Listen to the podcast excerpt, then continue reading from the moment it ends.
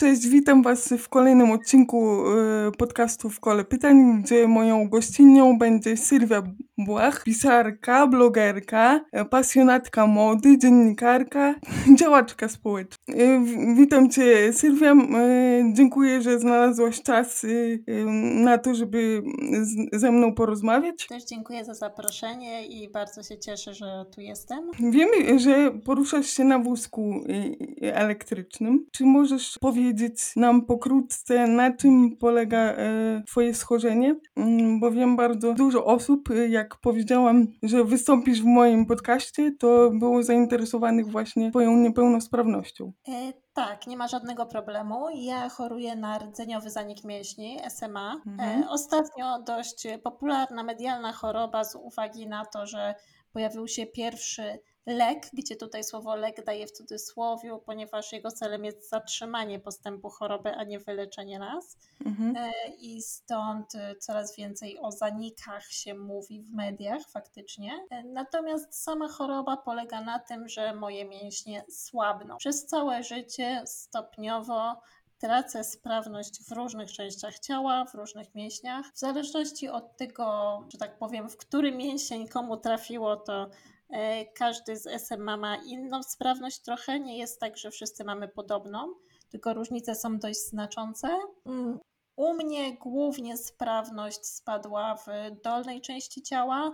Mam też osłabione ręce, e, ogólnie osłabione mięśnie w całym ciele, dlatego się poruszam na wózku elektrycznym, ponieważ na wózku ręcznym no, nie dałabym sobie rady na co dzień ale mhm. jednocześnie mam na tyle sprawne ręce, by sporo rzeczy robić cały czas przy sobie.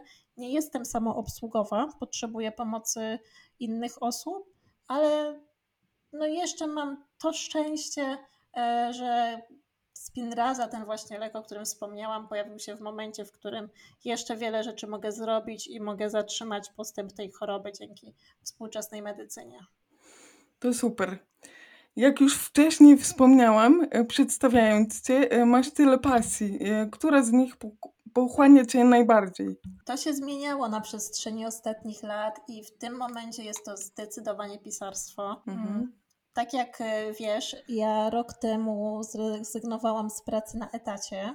Zdecydowałam się, że robię sobie takie dużo w głowie sobie wtedy poukładałam, dużo rzeczy przemyślałam i mhm. zdecydowałam się na taki rok, dwa lata przerwy od etatu i skupienia na tym, co jest dla mnie najważniejsze, co zawsze było moją pasją, zawsze mnie fascynowało i zawsze było moim marzeniem, czyli pisanie. E, cały czas e, pracuję, pracuję we własnej firmie, zajmuję się różnymi rzeczami, ale jednak próbuję ustawić swój dzień tak, żeby priorytetowo podchodzić do pisania. Nie zawsze mi to wychodzi, ponieważ tak jak e, zauważyłaś, mam dużo różnych pasji mhm. i często mnie coś rozprasza, ale faktycznie widzę postęp, widzę bardzo duży postęp w tym, jak zarządzam swoją codziennością e, i w tym, jak idzie mi praca nad książkami, bo tak docelowo chciałabym, żeby to pisanie było moim głównym źródłem e, utrzymania, właśnie pisanie fabuły, pisanie książek Mhm. Ale nie oszukujmy się, rynek nie jest łatwy, w Polsce nie jest łatwo się przebić i na razie daję sobie czas i wierzę w to, że się uda, ale patrzę też na to tak dość, e, no takim wiesz, e, okiem stonowanym, może tak to nazwijmy. Racjonalnym. Tak, racjonalnie, o właśnie, uciekło mi to słowo. Żeby właśnie do tego tak podejść racjonalnie i wiedzieć, co chcę robić, mieć to wszystko zaplanowane, mieć czas na pisanie, pracować nad książką, E, chwilę przed naszą rozmową właśnie kończyłam kolejny rozdział pisać, ale też jednocześnie patrzeć na to, że no z czegoś żyć trzeba. Tak. Wspomniałaś właśnie, że założyłaś firmę. Yy, będzie ona związana tylko z książkami, z występowaniem yy, przed publicznością. Yy, na czym będzie polegała działalność Twojej firmy? Wiesz co, to tak e, fajnie brzmi, założyłam firmę i mhm. bardzo dużo osób mi zadawało pytanie właśnie, e, na czym to będzie polegać. I powiem Ci szczerze, że na początku nie rozumiałam, o co mnie pytają, e, aż w końcu do mnie dotarło, że firma kojarzy się tak właśnie bardzo górnolotnie, że muszę teraz jakoś sprecyzować swoje działania, iść w jakimś kierunku i tak dalej. I mhm. to, ta myśl uświadomiła mi, że póki nie miałam tej firmy, to Mhm. chyba wielu osobom się wydawało, że to było takie, nie wiem, y, powolne pływanie sobie, taka praca ad hoc, łapanie zleceń, ale dosłownie takie łapanie, bo coś wpadnie i tak dalej. I że ta firma, no tak w opinii publicznej, w opinii znajomych, jest takim krokiem w dorosłość, że te moje sprawy zawodowe nagle staną się takie poważne. No nie, to zupełnie nie o to chodziło. Chodziło Mhm. po prostu o to, że jestem zmęczona ciągłym podpisywaniem umów o dzieła i chciałam wystawiać faktury. I koniec tak naprawdę. Więc y, ja w swojej firmie będę robić dokładnie to, co robię, czyli pisać artykuły na zlecenia, występować publicznie, prowadzić szkolenia, Mhm. Rozważam stworzenie jakiegoś produktu cyfrowego, ale to sobie zostawiam na później. E, współpraca influencerska, działania medialne. Dokładnie to samo, co było do tej pory cały czas, ale jestem szczęśliwa, bo w końcu mam księgową, która ogarnia mi papiery i w końcu mogę wystawić fakturkę, a nie biegać co chwilę na pocztę i odstawać godzinę w kolejce, żeby wysłać jakąś tam umowę. No i możesz oddelegować najtrudniejsze zadania, prawda? Bo rozliczanie się to nie jest taka Mhm. łatwa sprawa. Oj tak, zdecydowanie. Te wszystkie kwestie związane właśnie z rozliczaniem, z papierami, z pilnowaniem, czy weszły przelewy. Ja ci powiem, że moim odkryciem tego tygodnia, bo ja tą firmę mam równo od 8 dni, Mhm. jest to, że w księgowości internetowej w banku mi się pojawiła taka apka, w której mi się wyświetla, kto mi już zapłacił, kto mi nie zapłacił, to jest po terminie i to jest spełnienie moich marzeń w tym momencie, Tak. że w końcu to widzę, a nie muszę się przekopywać przez wyciąg e, konta bankowego, więc no przyziemne marzenia miałam chwilowo. A e, jeśli mogę zapytać, jeśli to nie jest tajemnicą, jak zakładałaś firmę, to jak to Mhm. wygląda um, z perspektywy osoby niepełnosprawnej? Czy są jakieś tam ulgi, tego typu rzeczy? Bo kiedyś tak było mówione, że. Mm, Tak, jest ulga dla osób niepełnosprawnych. Mhm. E, Jest to ulga taka, że. No i teraz nie chcę czegoś palnąć, więc powiem to ogólnikowo, bo to jest coś, czym znowu księgowa mi się zajmuje, Mhm. ale większość tych opłat, które ma osoba pełnosprawna, mi odpada. Ja będę płaciła tylko jakąś tam podstawową składkę, taką bardzo drobną, Aha. e, i nie będę miała którychś tam ZUS-ów, czegoś takiego. Ogólnie teraz są te wszystkie ulgi na start. Nie będę udawała, że się turbo w tym orientuję Mhm. ale większość przedsiębiorców na początku nie płaci, potem płaci mniej, e, z uwagi na to, jak to nasz rząd wymyślił, Mhm. a osoba z niepełnosprawnością faktycznie ma po prostu taką ulgę, ulgę. To, co natomiast mnie zaskoczyło, to Mhm. ta, um, to niepłacenie działa na zasadzie zwrotu, więc i tak będę O. musiała płacić, a kwota będzie mi oddawana. Więc Mhm. e, to było dla mnie zaskakujące, nie wiem, może to No dla mnie też. E, To jest coś nowego. No i wiem, że jest też dużo dotacji na założenie firmy przez osoby niepełnosprawne. Rozważałam takie wzięcie dotacji, ale jak się dowiedziałam, okazało się, że to w konkretnych miesiącach trzeba startować. E, Aha. W Poznaniu mi powiedzieli, że dopiero na wiosnę prawdopodobnie, więc e, zrezygnowałam, ponieważ chciałam faktycznie zaczynać tutaj prawie że od nowego roku. Pytam dlatego, że to ciekawy temat, y, więc jak już y, się trochę tak bardziej wdrążysz, to może zrobimy oddzielny y, podcast y, właśnie z tytułu prowadzenia firmy. Bo nie myślę, będę że tu udawała specjalistki, ale z wielką chęcią, bo jest to dla mnie bardzo ekscytujące Tak. i tak jak wiele osób się boi nowych rzeczy i boi się czegoś uczyć e, i właśnie też e, księgowa tak mnie uspokaja czasami, no kochaną kobietę mam, że, że to będzie łatwe, żebym się nie martwiła i tak dalej, to ja widzę w tym taką właśnie ekscytację, o kliknę tutaj, zobaczę co się wydarzy i tak dalej, więc dla mnie to jest nowa przygoda po prostu. No, dla mnie to też jest interesujący temat, bo em, miałam, mam do tej pory takie myśli, czy by y, sama nie wystartować, ale właśnie lęk przed różnymi e, papierami i ogarnianiem tego mnie trochę cofa. Wiesz co, powiem Ci w ten sposób, e, że ja się wahałam w sumie od kilku lat chyba, Mhm. e, no ale wcześniej był etat, zleceń było mniej, tylko Mhm. już ostatnio, kiedy doszło do sytuacji, że tu mi przepadło jakieś zlecenie, bo nie mogłam wystawić faktury, Tu się okazało, że mam trzy razy więcej do podpisania papierów, e, przez to, że jednak to musi być zlecenie, mhm. a nie e, faktura prosta i tak dalej, no to to mnie zmotywowało. I też to, że mój partner ma firmę już od dawna, więc mam kogoś, kto mi podpowie. Tak. E, I mam poleconą właśnie świetną księgową, polecił mi swoją drogą mój rehabilitant. O, super. No, wiedziałam, z czym startuję. Nie startowałam tak zupełnie w ciemno, nie wiedząc, jak to wygląda, tylko mogłam sobie od jakiegoś czasu obserwować, jak to działa i się dowiadywać. No właśnie, bardzo ważne jest w tym wszystkim wsparcie. E, tak jak mówisz, ty masz partnera, który ma firmę, więc łatwiej jest wystartować, tak jakby. Mhm, zdecydowanie. E, wracam do pytań. E, jestem ciekawa, skąd u Ciebie zainteresowanie programowaniem? Bo wiem, no, że mhm bo wiem, że pierwsze było e, w Twoim życiu, e, pierwsze prace chyba, e, były związane ze studiami i z programowaniem. To skąd się to wzięło? Nie, zdecydowanie aha, nie. Aha. To tutaj to rozwinę może, bo uh-huh, uh-huh. Pokrętna jest moja droga zawodowa, uh-huh. więc nie dziwię się, że to mogło Ci się tak wydawać. Mhm. Pierwsze moje zupełnie takie pierwsze, pierwsze prace to było mm, pisanie tekstów czyli copywriting, pisanie mhm. tekstów e, dla sklepów internetowych, pisanie bajek na zamówienie, mm, dużo takich różnych zleceń. Mhm. Bardzo drobnych. W międzyczasie też e, pracowałam z ulotkami. To było bardzo krótkie zlecenie, ale bardzo fajnie je wspominam, bardzo mi się podobało. Mm, kontakt z ludźmi Mam dużo ciekawych obserwacji, kiedy osoba z niepełnosprawnością rozdaje ulotki sieci telekomunikacyjnej i jak ludzie na to reagują, więc to było bardzo ciekawe dla mnie doświadczenie. Potem zaczęłam pracować w fundacji.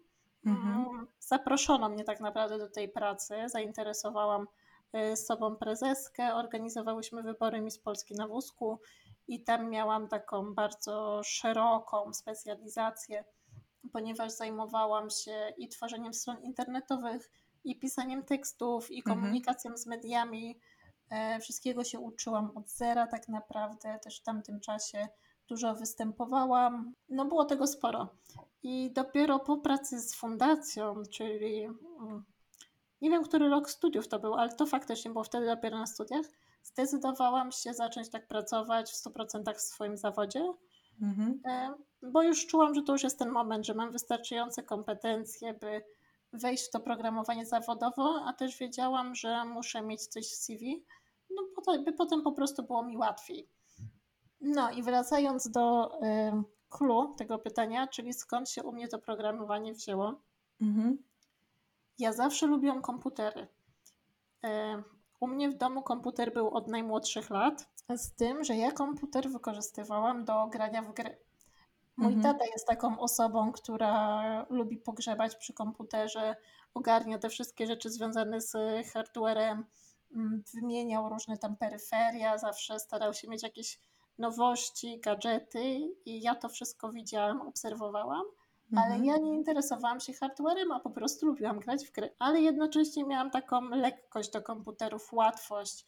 E, nie bałam się w coś kliknąć, nie bałam się gdzieś wejść jak miałam indywidualną informatykę w szkole, ponieważ e, sala informatyczna była na piętrze, mhm. miałam tylko informatykę indywidualnie, no to szliśmy według takiego programu na zasadzie, co ja bym chciała, co by mi się przydało, więc wtedy uczyłam się robić strony internetowe, trochę liznęłam algorytmów. Wtedy też powiedziałam, że nigdy w życiu nie zostanę programistką, bo to jest nudne, straszne i w ogóle. Ale całe życie prześladowało mnie właśnie to hasło, że radzisz sobie, będziesz na pewno programistką, na pewno ci się to uda, jesteś w tym świetna. No i przyszedł y, czas, że musiałam wybrać studia. No i wiesz, ja jestem z malutkiej miejscowości. Mhm. Do Poznania mam, miałam godzinę samochodem, bo teraz już mieszkam w Poznaniu. Mhm. No i stanęłam przed takim wyborem, że albo idę na studia do tego Poznania i to będą studia zaoczne, ponieważ z uwagi na niepełnosprawność nie wyobrażałam sobie, jak mogłabym się wyprowadzić z domu, ponieważ nie poradziłabym sobie sama, mhm. a kompletnie jeszcze wtedy nie byłam otwarta na takie tematy jak czyjaś pomoc, pomoc opiekunek, asystentów. No nie wiedziałam, jak się w ogóle do tego zabrać. Mhm. Albo mogłam iść na studia dzienne, dojeżdżać do małej miejscowości, niedaleko mojej miejscowości. Mm, no ale tam były takie kierunki, jak jakaś pedagogika, coś takiego. Standard. No, i, no właśnie, no i wtedy tak się zaczęłam zastanawiać, co ja w tym życiu chcę robić. Nie wiedziałam, co chcę w tym życiu robić, ale jakoś tak stwierdziłam, a dobra, pójdę na tą informatykę, bo całe życie słyszałam, że jestem w tym dobra. Mhm. W sumie lubię siedzieć przy tym komputerze, mogłabym robić gry. Strony internetowe też są ciekawe. Faktycznie mam do tego taki dryg, że łatwo te wszystkie rzeczy łapię. No Mhm. i przede wszystkim nie mam innego pomysłu na siebie, bo to, że mi się marzyła wtedy kryminologia albo kryminalistyka, to znowu przy tak znacznej niepełnosprawności jak moja nie miało żadnego sensu. No To, że tak. mi się marzyła filologia fińska, to w ogóle nie było takiego kierunku zaocznego. Więc to było trochę takie z rozsądku, trochę z przypadku, trochę też z takiego poczucia, a będę dziewczyną na polibudzie, to teraz jest takie wow, fa, fajne i w ogóle, więc bardzo dużo takiego młodzieńczego, nierozsądnego podejścia tak naprawdę w tym było. Więc to nie była jakaś taka droga z kategorii, że wiesz, byłam takim nerdem, który po nocach pisał kod od najmłodszych lat, rozumiał algory- algorytmy. No nie. Ja pierwszy rok studiów przepłakałam. y, Co Mhm. zjazd powtarzałam, że tam nie wrócę, ale mam Mhm. taki charakter, że jak coś zaczynam, to kończę. No i na drugim roku studiów pokochałam faktycznie to programowanie. I wtedy, jak zaczęłam rozumieć, co się dzieje i na czym polega to tworzenie aplikacji, to mi się to tak bardzo spodobało, że tak szczerze się w temat wkręciłam. Że poczułam, że to jest coś, co mogę robić, coś, co sprawia mi przyjemność, coś, co robię czasami w ramach relaksu. Wiesz co, programowanie to kojarzy się z czymś takim, wiesz, bardzo twardym, ciężkim, matematycznym i czasami takie jest, Mhm. ale ja też zawsze uwielbiałam zagadki logiczne. W ramach relaksu rozwiązywałam różne kakuro, sudoku, e, hashi, bawiłam się w takie jakieś tam, wiesz, miałam takie całe książki z zagadkami logicznymi, a programowanie jest tak naprawdę wymyśleniem właśnie, jak rzeczy mają działać. I strasznie mi się spodobało to, że najpierw człowiek siedzi, próbuje wymyślić, zastanawia się, kombinuje, może tak ten algorytm napisać, może inaczej. I nagle jest takie, wow, wiem już, siada przy komputerze, pisze, pisze, jest taki szczęśliwy i oczywiście to nie działa. Mhm. E, I dopiero za którymś tam razem się udaje. I jak się udaje, no to jest taki no, gigantyczny wyrzut dopaminy i szczęścia. I naprawdę uzależnia. Bardzo fajna, fajna rzecz. Nie wiem, czy pamiętasz naszą rozmowę e, niedawno. Pytałam cię, jak zacząć e, przygodę z programowaniem, bo sama się Mhm. nad tym zastanawiam dosyć e, prężnie. No i właśnie, patrząc na mnie, prawda, umiem stworzyć stronę internetową, zresztą w WordPressie Mhm. jestem obeznana. Mm, ale chciałabym zacząć e, na przykład e, poważniejsze rzeczy robić Mhm. i też y, ugruntować tą wiedzę, którą posiadam, to y, jak zacząć? Y, od czego zacząć? Co ja pamiętam, że pytałaś i pamiętam, że ci tak bardzo ogólnie odpowiedziałam. Mhm, Bo to jest pytanie, które naprawdę często słyszę i ja mam z tym duży problem, bo Mhm. nie chcę komuś zrobić krzywdy.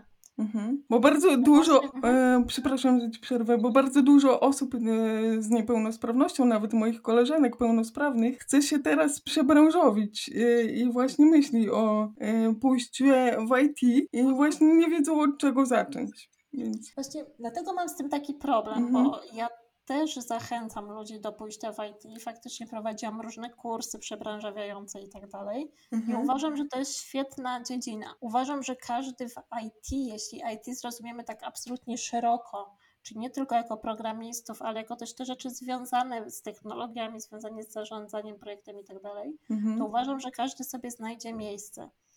Ale jednocześnie mam problem właśnie z takim tłumaczeniem ludziom, jak wejść do IT. Nie jestem w tym dobra. Może jakbyś zaprosiła do jakiegoś, nie wiem, e, coacha programowania czy coś takiego, to byś usłyszała masę mądrych słów typu zacznij od Pythona, bo jest najłatwiejszy.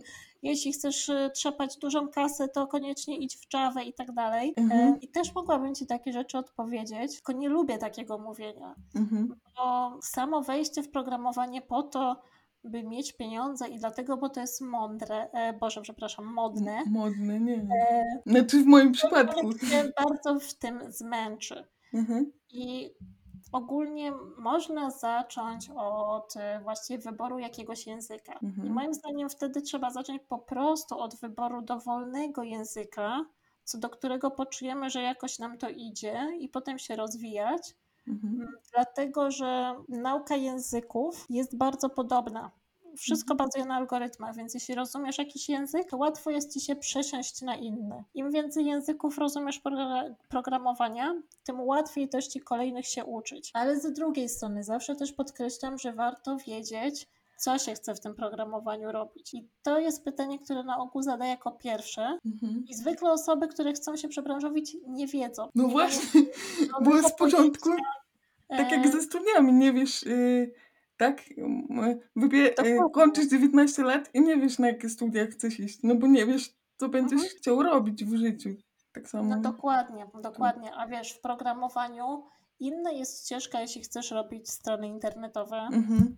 Inna jest ścieżka, jeśli chcesz e, na przykład e, robić, nie wiem, programować pralki, zmywarki, takie rzeczy, no bo Mhm. tam też jest kod, który trzeba napisać. Mhm. Zupełnie inna jest ścieżka, jeśli interesują Cię bazy danych, e, wyciąganie informacji, takie sprawy naukowe, data science. Mhm. A jeszcze inna jest ścieżka, jeśli interesują Cię gry, tak jak ja poszłam. Więc jestem zdania, że jeśli ma się tu 19, 20 lat, 20 parę, albo po prostu chce się iść na studia, to studia są świetnym wyborem, ponieważ mi dały taki przegląd, że ja mogłam spróbować różnych języków, dowiedzieć się trochę o programowaniu niskopoziomowym, trochę o programowaniu wysokopoziomowym, próbować generować grafikę 3D, Mhm. e, bawić się bazami danych i zobaczyć, co w ogóle to IT oferuje, czym to IT jest.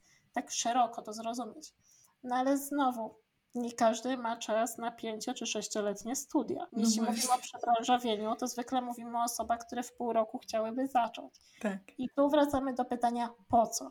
Jeśli dla kasy, no to najlepiej wziąć któryś język programowania, który po wpisaniu w Google ma najwyższe stawki. Bardzo łatwo znaleźć, który język jest najbardziej Mhm. dochodowym i jego się nauczyć. Tylko czy to jest praca, która nam sprawi przyjemność, w której będziemy się dobrze czuć i czy to jest praca przyszłości? Ciężko powiedzieć, bo o ile programiści, to faktycznie mówi się dużo o tym, że programowanie jest pracą przyszłości, o tyle dużo się też zaczyna mówić o tym, że najwięcej miejsca na rynku jest dla seniorów, osób, które dobrze rozumieją kod. Bo taki podstawowy kod napisze ci teraz sztuczna inteligencja, trzeba go poprawić, ale Mhm. już bardzo zastępuje takich niszo, takich e, juniorów, nazwijmy to.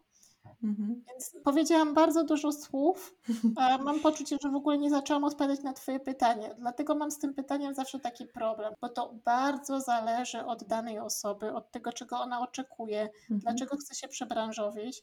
I sama swego czasu też e, pisałam artykuł o wypaleniu w branży IT, bo mnie bardzo ten temat zainteresował. I rozmawiałam z kobietami, które właśnie studiowały informatykę albo się przebranżowiały na ten hypie, który teraz jest Mhm. i stwierdziły, że to nie jest dla nich, że one chciały być kobietami w IT, bo chciały mieć kasę, bo wszyscy o tym mówią i Mhm. straciły bardzo dużo czasu na umiejętności, które nigdy im się nie przydadzą i w których się źle czują. Właśnie, bo taki kurs, przepraszam, że ci przerwę, kosztuje niemałe pieniądze i jak się zainwestuje, a później się okaże, że to jednak nie to, no to żal. Tak, mhm. Mhm. Dlatego ja bym zaczynała mimo wszystko od małych kursów Mhm. e, albo od takich, no właśnie, może podzielmy to na dwie ścieżki. Jeśli się wie, kim się chce być w tym IT, poczyta się dość dużo i się właśnie znajdzie ten swój powód, czyli na przykład interesują mnie e, rzeczy związane z badaniem, analizą danych, czyli data science, Mhm. albo interesują mnie gry, to Mhm. wtedy jak najbardziej polecam takie duże, rozbudowane kursy, bo faktycznie te firmy, w które, z którymi współpracowałam, przeglądałam te ich oferty, no sama jeden taki kurs robiłam. Mhm. Robiłam w sensie, przygotowywałam go, bo Mhm. robię, prowadziłam kurs WordPressa. Faktycznie pozwalają danej osobie wejść na rynek i dają pełen zestaw kompetencji. I to jest świetne. Ale jeśli ktoś cały czas się tak zastanawia, w którą stronę, co mu się spodoba i właściwie nie wie, czego szuka w tym IT, to bym dla odmiany poleciła jakiś portal z takimi kursami za kilkadziesiąt, kilkaset złotych. Jest jeden taki portal Tak. na przykład. E, Nie będę tutaj nazwy podawała, bo nie Ja reklamuję. wiem.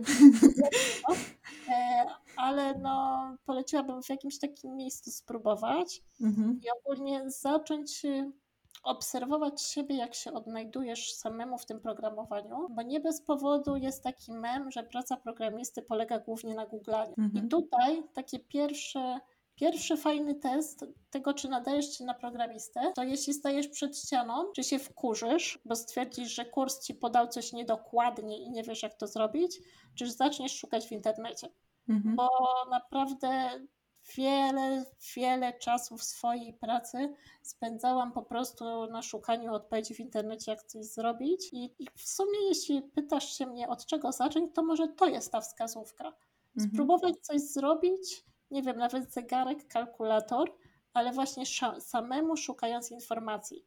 I ktoś, kto chce wejść w IT, a nawet nie zrobił tego takiego właśnie researchu, że sam nie poczytał, nie poszukał, nie zastanowił się, Mhm. to już tam jest taka wskazówka, że może jednak nie to programowanie, tylko może coś bardziej miękkiego, lżejszego. Mhm. Dzięki za odpowiedź. Wiem, A, że też uczy... Myślę, się tu wylało. Wiem e, również, że uczyłaś właśnie programowania studentów, a także prowadziłaś warsztaty z gier i sztucznej inteligencji. Jak Mhm. wspominasz te okresy w swoim życiu? Różnie. Jeśli mówimy o warsztatach, Mhm. mm, to na ogół były takie krótkie rzeczy. To był jakiś wykład na spotkaniu jakimś, jakieś wydarzenie trzygodzinne. E, Najczęściej uczyłam e, HTML-a, stawiania pierwszej strony internetowej. Faktycznie prowadziłam kilka takich wykładów o sztucznej inteligencji, ale tu bardziej od strony ciekawostek i tego, czym to jest, niż e, od strony programistycznej. Więc no, to zawsze są fajne przygody, bo to jest jakaś konferencja, jakiś, nie wiem, kurs, coś takiego, gdzie jestem zaproszona, gdzie mogę właśnie przez trzy godziny podzielić się wiedzą i uwielbiam to, bo uwielbiam krótkie formy dzielenia się wiedzą. Uwielbiam sobie faktycznie przygotować jakieś takie wydarzenie i mieć tą taką skompensowaną dawkę informacji, którą mogę komuś przekazać i widzę tego efekty. Z drugiej strony fantastycznie wspominam kursy WordPressa, które prowadziłam w jednej z właśnie takich dużych firm prowadzących szkolenia. Mhm. To była naprawdę fantastyczna przygoda dla mnie, mm, ponieważ uczyłam tam kobiety, które chciały się przebranżowić. Dla Właśnie. mnie to też był właśnie początek tej przygody z tym przebranżowieniem. Ja też dopiero wtedy kształtowałam swój pogląd na ten temat i bardzo wydawało mi się, tak jak e, właśnie teraz czasami ludzi tak e, tonuje, stopuje, bardzo mi się też tak wydawało, że to tak wow, rzucimy się na to i tam, wiesz, e, wszystko się uda. Mhm. No, nie wszystkie kobiety po tym kursie otworzyły firmy, ale faktycznie wiele z nich.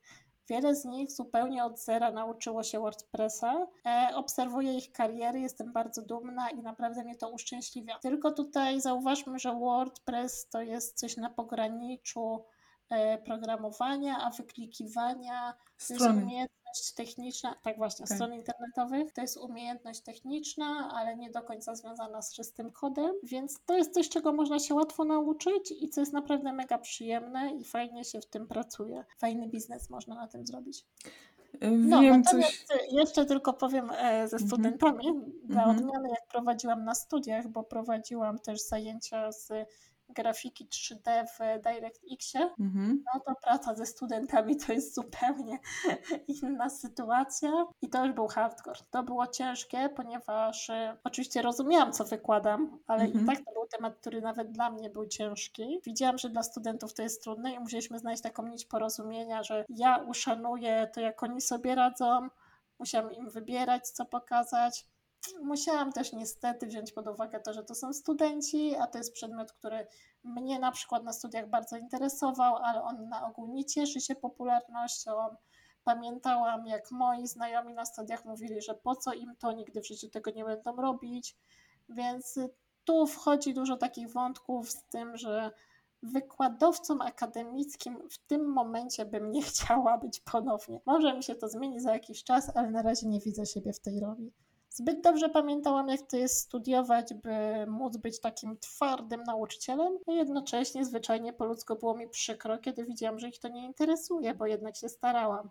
Więc Mhm. zdecydowanie wolę prowadzić szkolenia, na które ludzie się zapisują, bo chcą dany temat, daną wiedzę posiąść. Prowadziłaś też szkolenia ze studentami i mój podcast jest głównie o niepełnosprawności, to nie mogę cię, Ciebie nie zapytać, jakie były reakcje na, e, na to, e, że ty jesteś na wózku elektrycznym. Czy, czy były jakieś takie dziwne um, z ich strony reakcje, czy przyjęli to w sposób normalny? Przyjęli to w sposób absolutnie normalny. Do tego stopnia, że mm, sala, w której prowadziłam zajęcia, mhm. y, miała bardzo wysoko czytnik karty, żebym tą kartę mogła otworzyć salę. Więc dla studentów nie stanowiło żadnego problemu, że ja im podawałam kartę, żeby otworzyli salę. Widzieli, że jestem na wózku, więc trzymali te drzwi, czasem pomogli mi odsunąć krzesło, więc zupełnie normalne dla nich to było ale jednocześnie no, traktowali mnie jak takiego wykładowcę, nie? Mhm. nie, że zawsze, wiesz, mili, uprzejmi czy coś, ale no ja też ich traktowałam jak studentów. Jak łaziłam od komputera do komputera między nimi, no to patrzyłam, co kto robi, kto się leni, czasem o czymś zagadałam. Mhm. E, to było fajne, fajne. Aczkolwiek miałam jedną śmieszną anegdotę potem, mhm. bo się okazało, że kumpel z pracy, mhm. chłopak, z którym pracowałam właśnie na etacie, był w naszym zespole. E, zaprosiłam go na imprezę halloweenową, którą organizowałam w domu. Przyszedł ze swoją dziewczyną. Mhm. E, I ta dziewczyna powiedziała, że my się znamy, a ja nie mogłam kompletnie skojarzyć skąd. A to właśnie była jedna z moich studentek. to było strasznie krępujące i takie dziwne, że pół roku temu byłam właśnie tam taką, wiesz, szychą, która jej mówi jak żyć, a e, wbija do mnie na chatę się tam wiesz, bawimy wszyscy poprzebierani w dziwne halloweenowe stroje. A właśnie, a jak pracowałaś w tej firmie y, na etacie, to głównie zdalnie czy, czy na nie, miejscu? Nie zależało, żeby być na miejscu. I Super. faktycznie dojeżdżałam do firmy. E, pracowałam w biurze. Mhm. Biuro to był taki dość nowoczesny budynek, więc większość rzeczy była przystosowana. Mhm. E, klasycznie odbijaki do karty były za wysoko, ale wtedy ktoś mi podpowiedział, żeby w selfie kiju mhm. nosić sobie kartę. I faktycznie taki najtańszy selfie key zadycha idealnie pasuje, żeby tam kartę wsadzić, więc zawsze sięgałam wszędzie, żeby sobie odbić, mhm. czy jakiś przycisk był za wysoko, czy coś, to tym selfie kijem sobie pomagałam. Jest to taka sztuczka. Jakby ktoś miał też taki problem, że nie dosięga do rzeczy wysoko. Mhm. No i chłopaki też mnie traktowali zupełnie normalnie. Mówię chłopaki, bo ja na początku miałam tylko facetów w pokoju.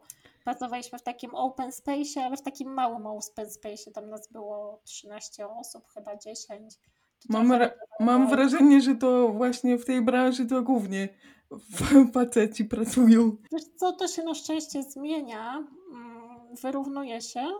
Potem mieliśmy też dziewczyny w pokoju, ale faktycznie dziewczyny były graficzkami, więc to trochę inna działka. Mhm. Pracowaliśmy razem, ale no w innych rzeczach siedzieliśmy.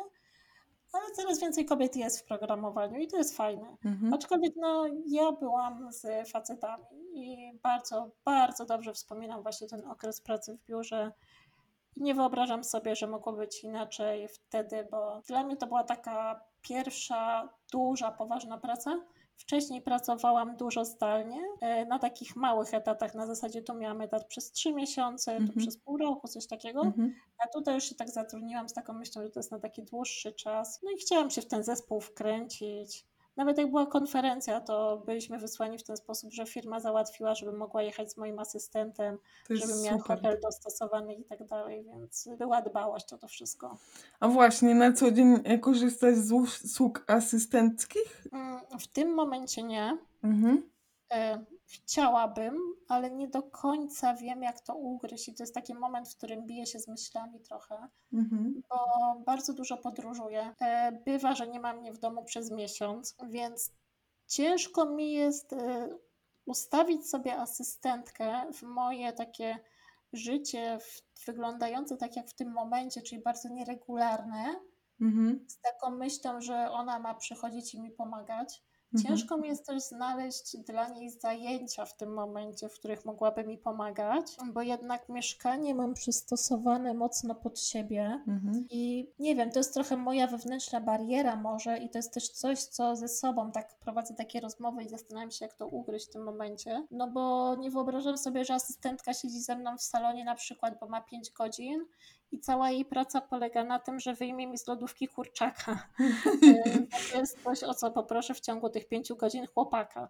Albo no podam tak. z szafki u góry miskę. No to w tym mi chłopak pomoże, bo no, zarządzamy domem na takiej zasadzie, że oboje tutaj mieszkamy, więc oboje o to dbamy i sobie mm -hmm. pomagamy. Jest to tak zupełnie naturalnie. No ale w drugą stronę czasami mnie potem że tak powiem, gryzie w tyłek sytuacja taka, że mam jakiś wyjazd nagle e, i przydałaby mi się ta asystentka. Tak, bo on na przykład nie może w tym znaczy, czasie. Na szczęście oboje pracujemy zdalnie i jesteśmy w pełni w stanie dopasować swój kalendarz, mhm. ale takie zwykłe ludzkie, no, że po prostu no, chłopakowi by się nie chciało, albo faktycznie miałby jakieś inne swoje rzeczy, albo nie wiem, ja muszę spędzić cały dzień poza domem, mhm mam spotkania od rana do wieczora i no, przydałby się ktoś, kto mi pomoże w toalecie skorzystać tego dnia. No mhm. wiesz, takie detale. Tak, tak. No i właśnie, no i to jest tak rzadko, Mhm. że nie potrafię w tym momencie wymyślić, jak korzystać z tej asystentki, żeby mieć e, z tego programu asystenckiego kogoś do takich usług. Z drugiej strony, no, jakbym komuś płaciła, to uważam, że uczciwe z mojej strony by było, że jeśli chcę mieć kogoś takiego na takie zawołanie, mhm. to jestem w stanie komuś zapłacić na przykład pół etatu. I mhm. tobie ja biorę odpowiedzialność za to, że nie wykorzystam wszystkich godzin. No tak. Więc Pełni nie korzystam zgadzam. w tym momencie, ale właśnie bujam się z tym, jak to zrobić, jak do tego podejść i jeszcze nie wymyśliłam.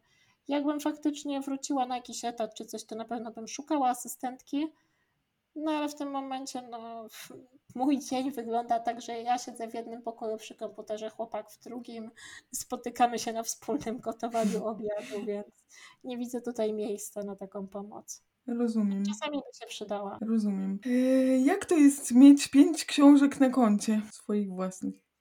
Nie mam pojęcia. Następne pytanie.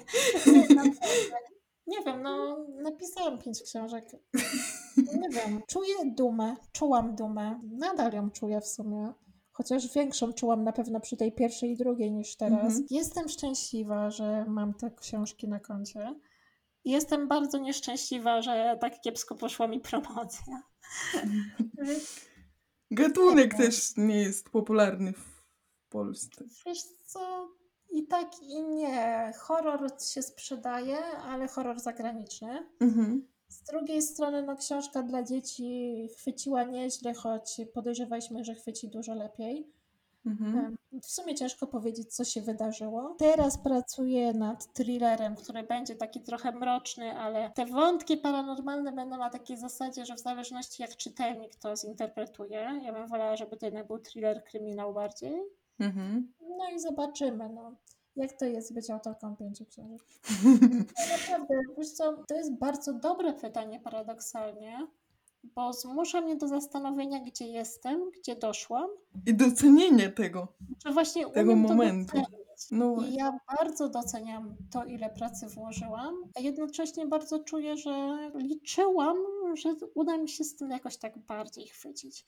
Ale mam tą wiarę, że teraz jest ten mój rok, mhm. będę nowym mrozem, Teremy, ty tego słuchasz, na pojedynek pisarski.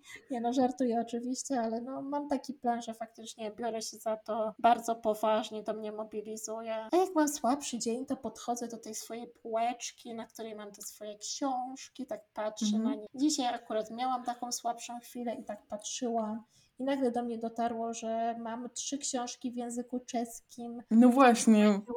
Przecież niedawno została twoja książka wydana w Czechach.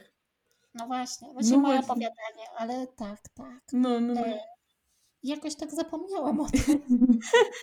Więc to jest złożony temat.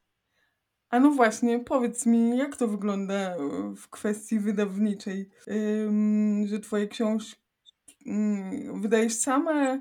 Zgłaszają się do ciebie wydawnictwa? Jak to wygląda? Wiesz co, mi bardzo zależało od mhm. samego początku, żeby wydawać z wydawnictwami. Mhm.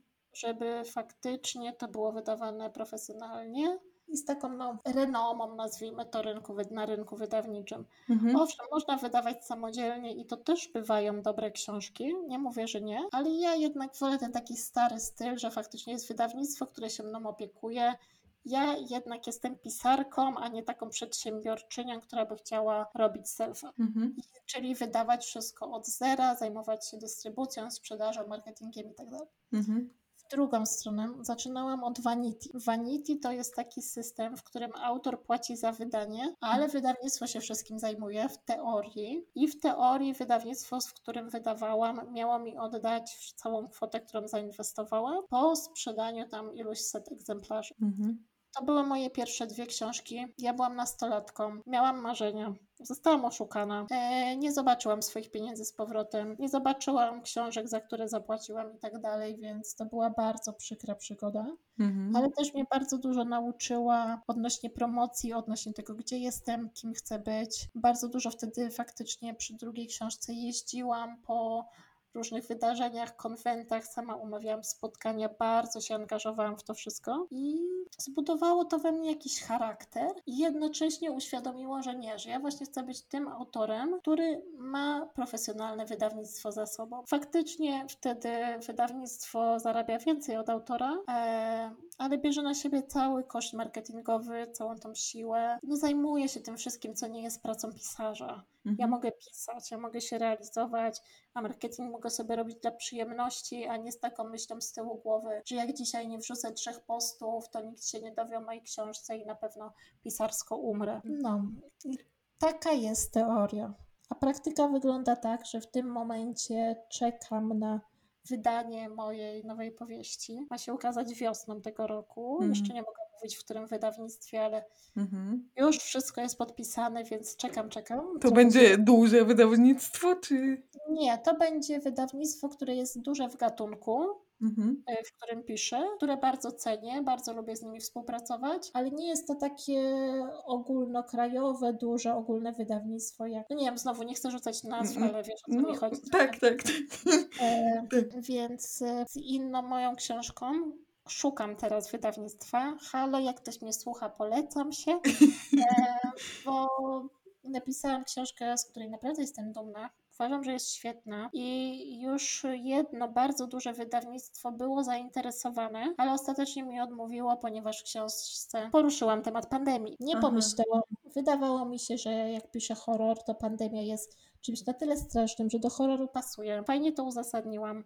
Akcja się rozgrywa w przyszłości, w dalekiej przyszłości, więc ten COVID tam faktycznie jest, ale nie jest tym głównym wątkiem. Mhm. Ale okazało się, że marketingowo ten COVID jest problemem i ta książka ciągle szuka wydawcy. I tak chodzę z nią od drzwi do drzwi z nadzieją, że się uda. Pytałeś, czy wydawcy się do mnie sami zgłaszają. Marzę o tym ponownie, polecam się. Ale nie, jeszcze nie jestem na tym etapie. Na razie to ja wysyłam swoje propozycje i liczę, że za którymś razem się uda. Bo, wie, bo wiesz, tych pozycji na Twoim koncie jest dosyć sporo opowiadań i różnych współprac z różnymi e, autorami, także... Tak, i wiesz co, i dlatego to jest takie, e, tak jak powiedziałaś, powinnam czuć dumę i ja tą dumę czuję, mhm. ale Boże, rozmawiamy dzisiaj tak szczerze, że ja nie wiem, może jednak zaparysuję ten wywiad. Nie no, żartuję, ale, ale właśnie, sama widzisz, że tego jest bardzo dużo, a miałam takie poczucie, że gdzieś się zatrzymałam. I to też był jeden z powodów, dla których rzuciłam etat, dla których stwierdziłam, że Sylwia, fajnie ci jest na tym etacie, robisz fajne rzeczy, ale czy to jest to, czego chcesz w życiu? I tak do mnie dotarło, no nie, gdzieś to pisanie mi odpłynęło i ja naprawdę chcę się w tym rozwinąć. Miałam moment w życiu, kiedy bardzo się rozpędziłam, właśnie szły te publikacje. Mhm. Ale nic się nie trafiło takiego wielkiego, co by było dla mnie taką dźwignią. I postanowiłam, że właśnie biorę życie za rogi i próbuję jeszcze raz, próbuję to rozbujać mocno. No i może właśnie, tak jak mówisz, ktoś się zainteresuje, uda się z kimś taką stałą współpracę podpisać ja bym chciała pisać w ogóle tak e, w cudzysłowie maszynowo, w sensie, że wiesz, pięć książek rocznie wydawać. Potrafię tak pisać, tak. jestem na to gotowa. Aha. Ale musi ktoś mi zaufać. Ktoś musi poczuć, że idziemy w to, że robimy z tego duży marketing i znowu wierzę, że to się uda. Taki jest plan. No ale zobaczymy. No tych opowiadań jest sporo. Z drugiej strony, no to były też mniejsze wydawnictwo. Mhm. To zawsze były jakieś takie związane z horrorem, związane z moim gatunkiem. Y, z dużych wydawnictw były chyba dwa albo trzy, teraz tak z pamięci mówię, mogę się pomylić. Mhm. No opowiadań było kilkadziesiąt już w tym momencie opublikowanych, ale takim w sumie spełnieniem moich właśnie takich marzeń o tym, że wydawca się do mnie zgłasza, była ta książka dla dzieci. I to jest fajna historia, mhm. a nie, czy za dużo nie gadam.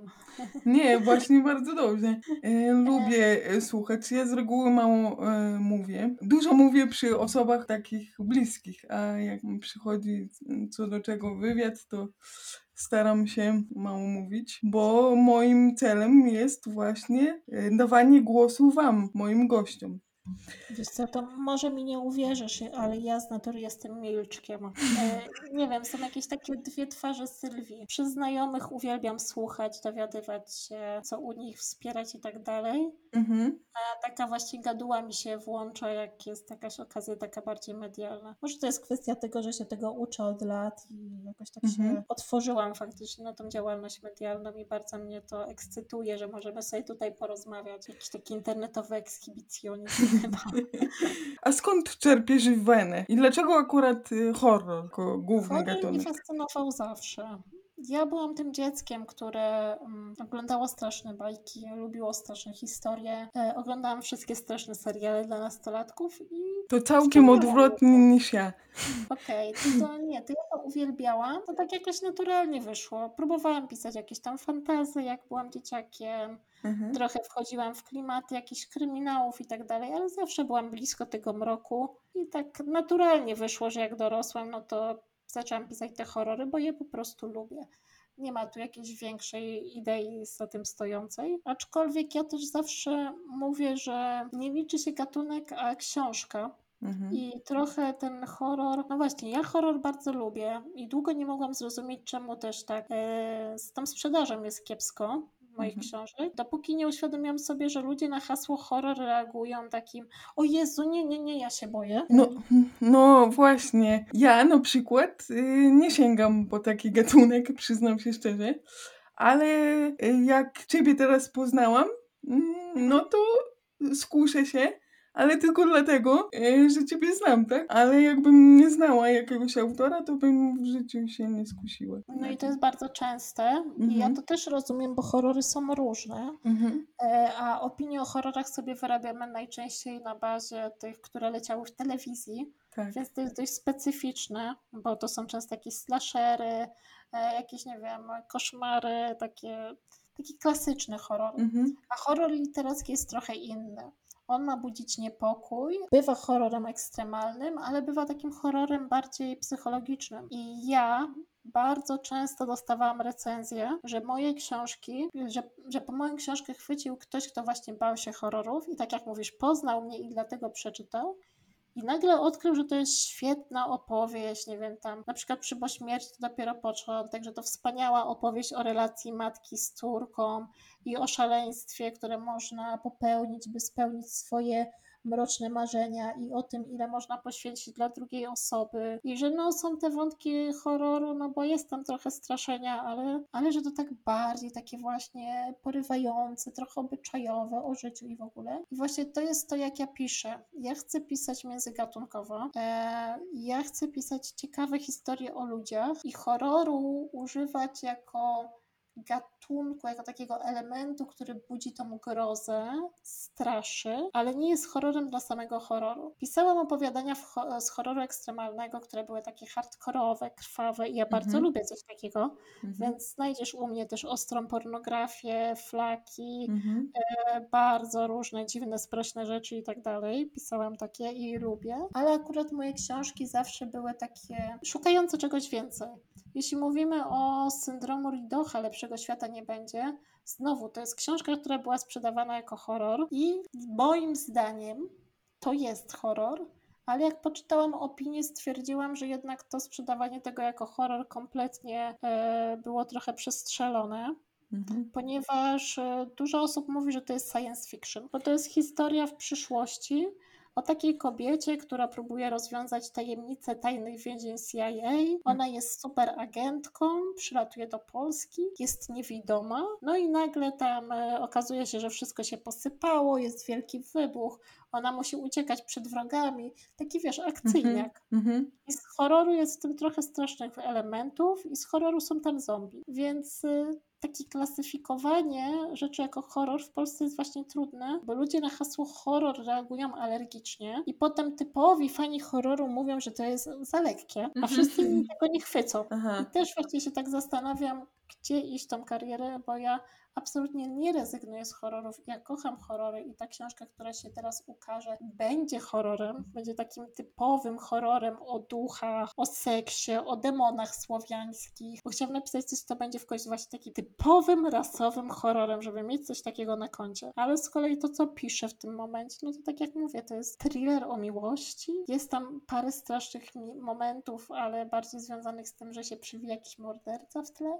Mhm. Zobaczymy, zobaczymy jak to To pójdzie. bardziej na tym. taki kryminał. No właśnie, kryminał to jest słowo, którego nie lubię. Aha.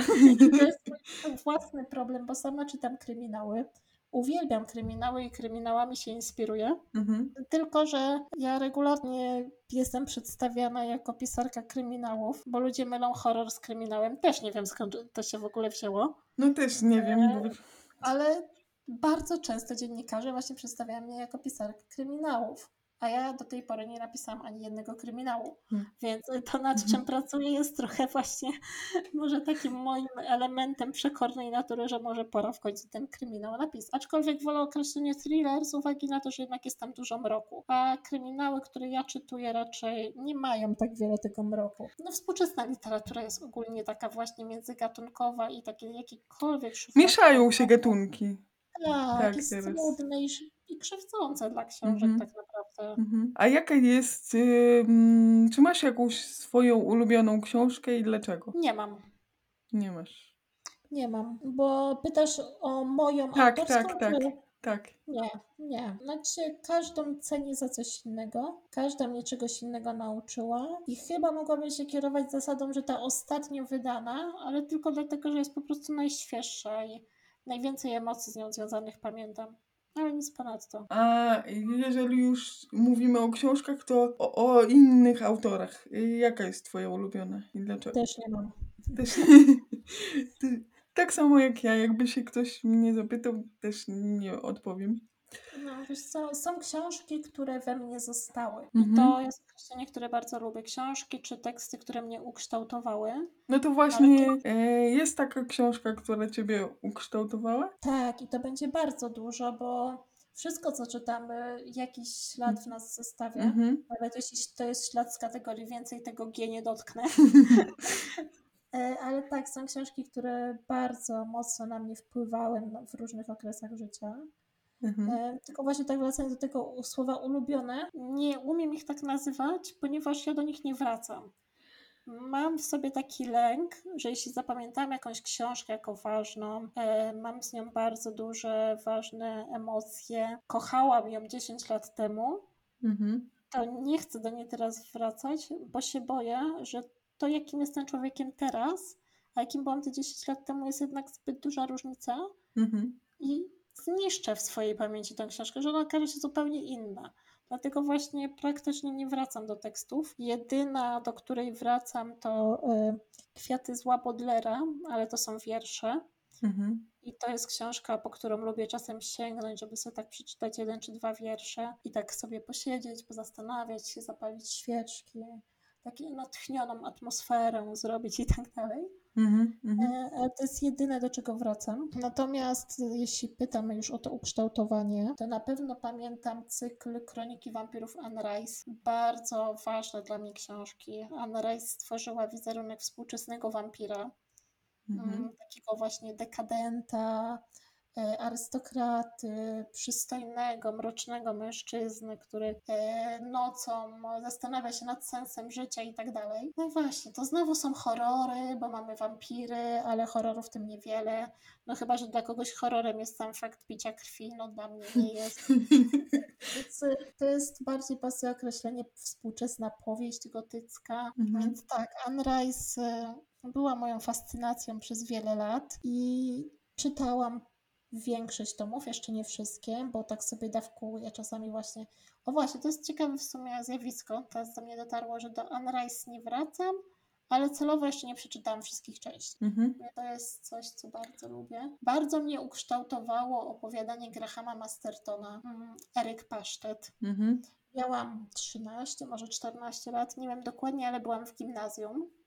E, zaczynała się moja fascynacja horrorem, wampirami i tym wszystkim na takim dojrzalszym poziomie, nie na zasadzie seriali dla nastolatków, tylko szukania rzeczy dla dorosłych. I wtedy moja przyjaciółka wzięła mnie do siebie tam do domu. Miała taki dom, że nie mogłam wejść, więc siedziałyśmy w ogrodzie i przyniosła z tego domu książkę, mhm. otworzyła na jednej stronie. I ja powiedziałam, że no, ty mnie niczym nie przestraszysz, ja już wszystkie hardcore widziałam. Ona mi to dała z hasłem czytaj. I Eryk Pasztet to jest opowiadanie o chłopczyku, chłopcu, mężczyźnie, e, który żyje według przekonania, że jesteś tym, co jesz. Mhm. I on tak bardzo mocno się angażuje w to hasło, bo jak chce zostać kobietą, to zjada kobietę. Mhm. I w tym opowiadaniu jest takie bardzo, taki bardzo mocny fragment, w którym postanawia być krową, czy poczuć się jak krowa, coś takiego. W każdym razie e, to jest taka scena, w której on pożera krowę jednocześnie ją gwałcąc. Aha. E, I to jest bardzo krwawe, brutalne, mocne i tak dalej. I faktycznie byłam wtedy młoda, nie znałam horroru ekstremalnego, nie znałam w ogóle literatury erotycznej i ten tekst wzbudził we mnie fascynację, że można takie rzeczy pisać i to jest normalnie na rynku sprzedawane. Hello, to tak legalnie i w ogóle o co chodzi. E, I bardzo to właśnie rozbudziło moją fascynację Grahamem Mastertonem, który jest znany właśnie e, z takiego horroru nie wiem, powiedziała rozrywkowego, bo u niego jest bardzo szybka akcja, bardzo dużo się dzieje, bardzo dużo wybuchów, bardzo dużo gwałtów. E, wszystko to jest tak e, na takim speedzie pisane. Mhm. Więc no, z jednej strony mówimy o kształtowaniu mnie za pomocą właśnie takiej powolnej, dekadenckiej powieści gotyckiej, z drugiej bardzo brutalny, bardzo akcyjny horror bez głębszych przemyśleń. E, I coś jeszcze, czy coś jeszcze. W tym momencie chyba nic mi nie przychodzi do głowy w kontekście ukształtowania, ale mogę powiedzieć, kto jest moim ulubionym autorem na tę chwilę i jest to Jonesbo. Mhm. Jego książka mi bardzo się inspiruje. Pod Też lubię ten klimat. E, stylu pisania. Mhm. Bardzo odpowiada forma narracji. Na pewno bardzo dużo zawdzięczamy też tłumaczowi, bo jednak tłumacz tutaj tak, wykonuje tak. E, dużą robotę, ale chodzi mi o to, że mm, Jonesbo pisze inaczej, pisze bardzo nowocześnie, stosuje bardzo dużo twistów fabularnych, prowadzi narrację w taki sposób, że z jednej strony mamy tą narrację trzecioosobową, mhm. ale z drugiej bardzo często narrator zachowuje się tak, jakby przedstawiał myśli bohatera e, z takiego bezpośredniego poziomu. Nie, że jest tam, no nie wiem, coś tam, coś tam pomyślał ktoś tam, tylko, tylko że, że on tak płynie. No. I bardzo mi się ta narracja podoba i to jest narracja, z którą ja też się identyfikuję, styl, w którym ja lubię pisać i no Nesbo jest taką moją literacką inspiracją. Zresztą ja kiedyś sobie zrobiłam gigantyczny obciach, bo e, Nesbo był we Wrocławiu. O. Pojechałam na spotkanie autorskie z nim chyba trzy godziny wtedy w kolejce stałam. Już byłam tak oszołomiona i w ogóle i byłam taką głupią nastolatką bym powiedziała, ale ja wtedy chyba byłam już 25 lat miałam. Trochę później to było. W każdym razie pamiętam, że tak stanęłam przed nim, tak spojrzałam mu głęboko w oczy i powiedziałam yo, I love you. Ja tak sobie spojrzałam jak na takiego oszołoma. Podał mi książkę z takim dziwnym wyrazem, tak thank you. Ja poszłam taka zadowolona i dopiero po chwili do mnie dotarło, co zrobiłam. No, jestem królową obciachu ogólnie. Złóż to na karby wieku. Tak, tak. Zawsze będę w swoim wyobrażeniu wtedy nastolatką. Tak.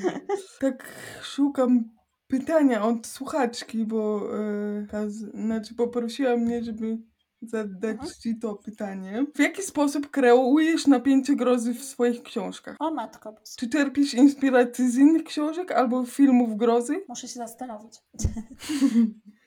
to jest takie pytanie warsztatowe. Tak, I tak. to pytanie trochę sugeruje, że autor się bardzo zastanawia nad swoim warsztatem. Mm. No nie, nie mam tak, żebym się zastanawiała, w jaki sposób kreuję. Znam trochę różnych sztuczek, które lubię stosować w swoich książkach. Mhm. Na przykład uwielbiam stosować twist fabularny, tak zwany. Tak sugerować czytelnikowi, że dzieje się coś, a potem obracać sytuację o 180 tak. stopni i okazuje się, że to jest coś zupełnie innego. Mhm. Z tego zresztą jest mistrzem właśnie wspomniany wcześniej tak. Nesbo. Tak. E, I na warsztatach e, poświęconych jego twórczości się tego nauczyłam. Ale jak kreuje grozę? Nie wiem, jak kreuje grozę, ale się dzieje. W ogóle pisanie jest takim fascynującym procesem, że jak ktoś mnie pyta, jak coś powstaje, e, to ja robię wielkie oczy, bo ja siadam do komputera, mhm. zaczynam pisać i to się dzieje. To się w magiczny sposób dzieje. Czasami bohaterowie mi się wymykają, czasami robią jakieś głupoty. Ja się tam wkurzam, no człowieku, jak ja cię teraz z tej kabały mam wyciągnąć?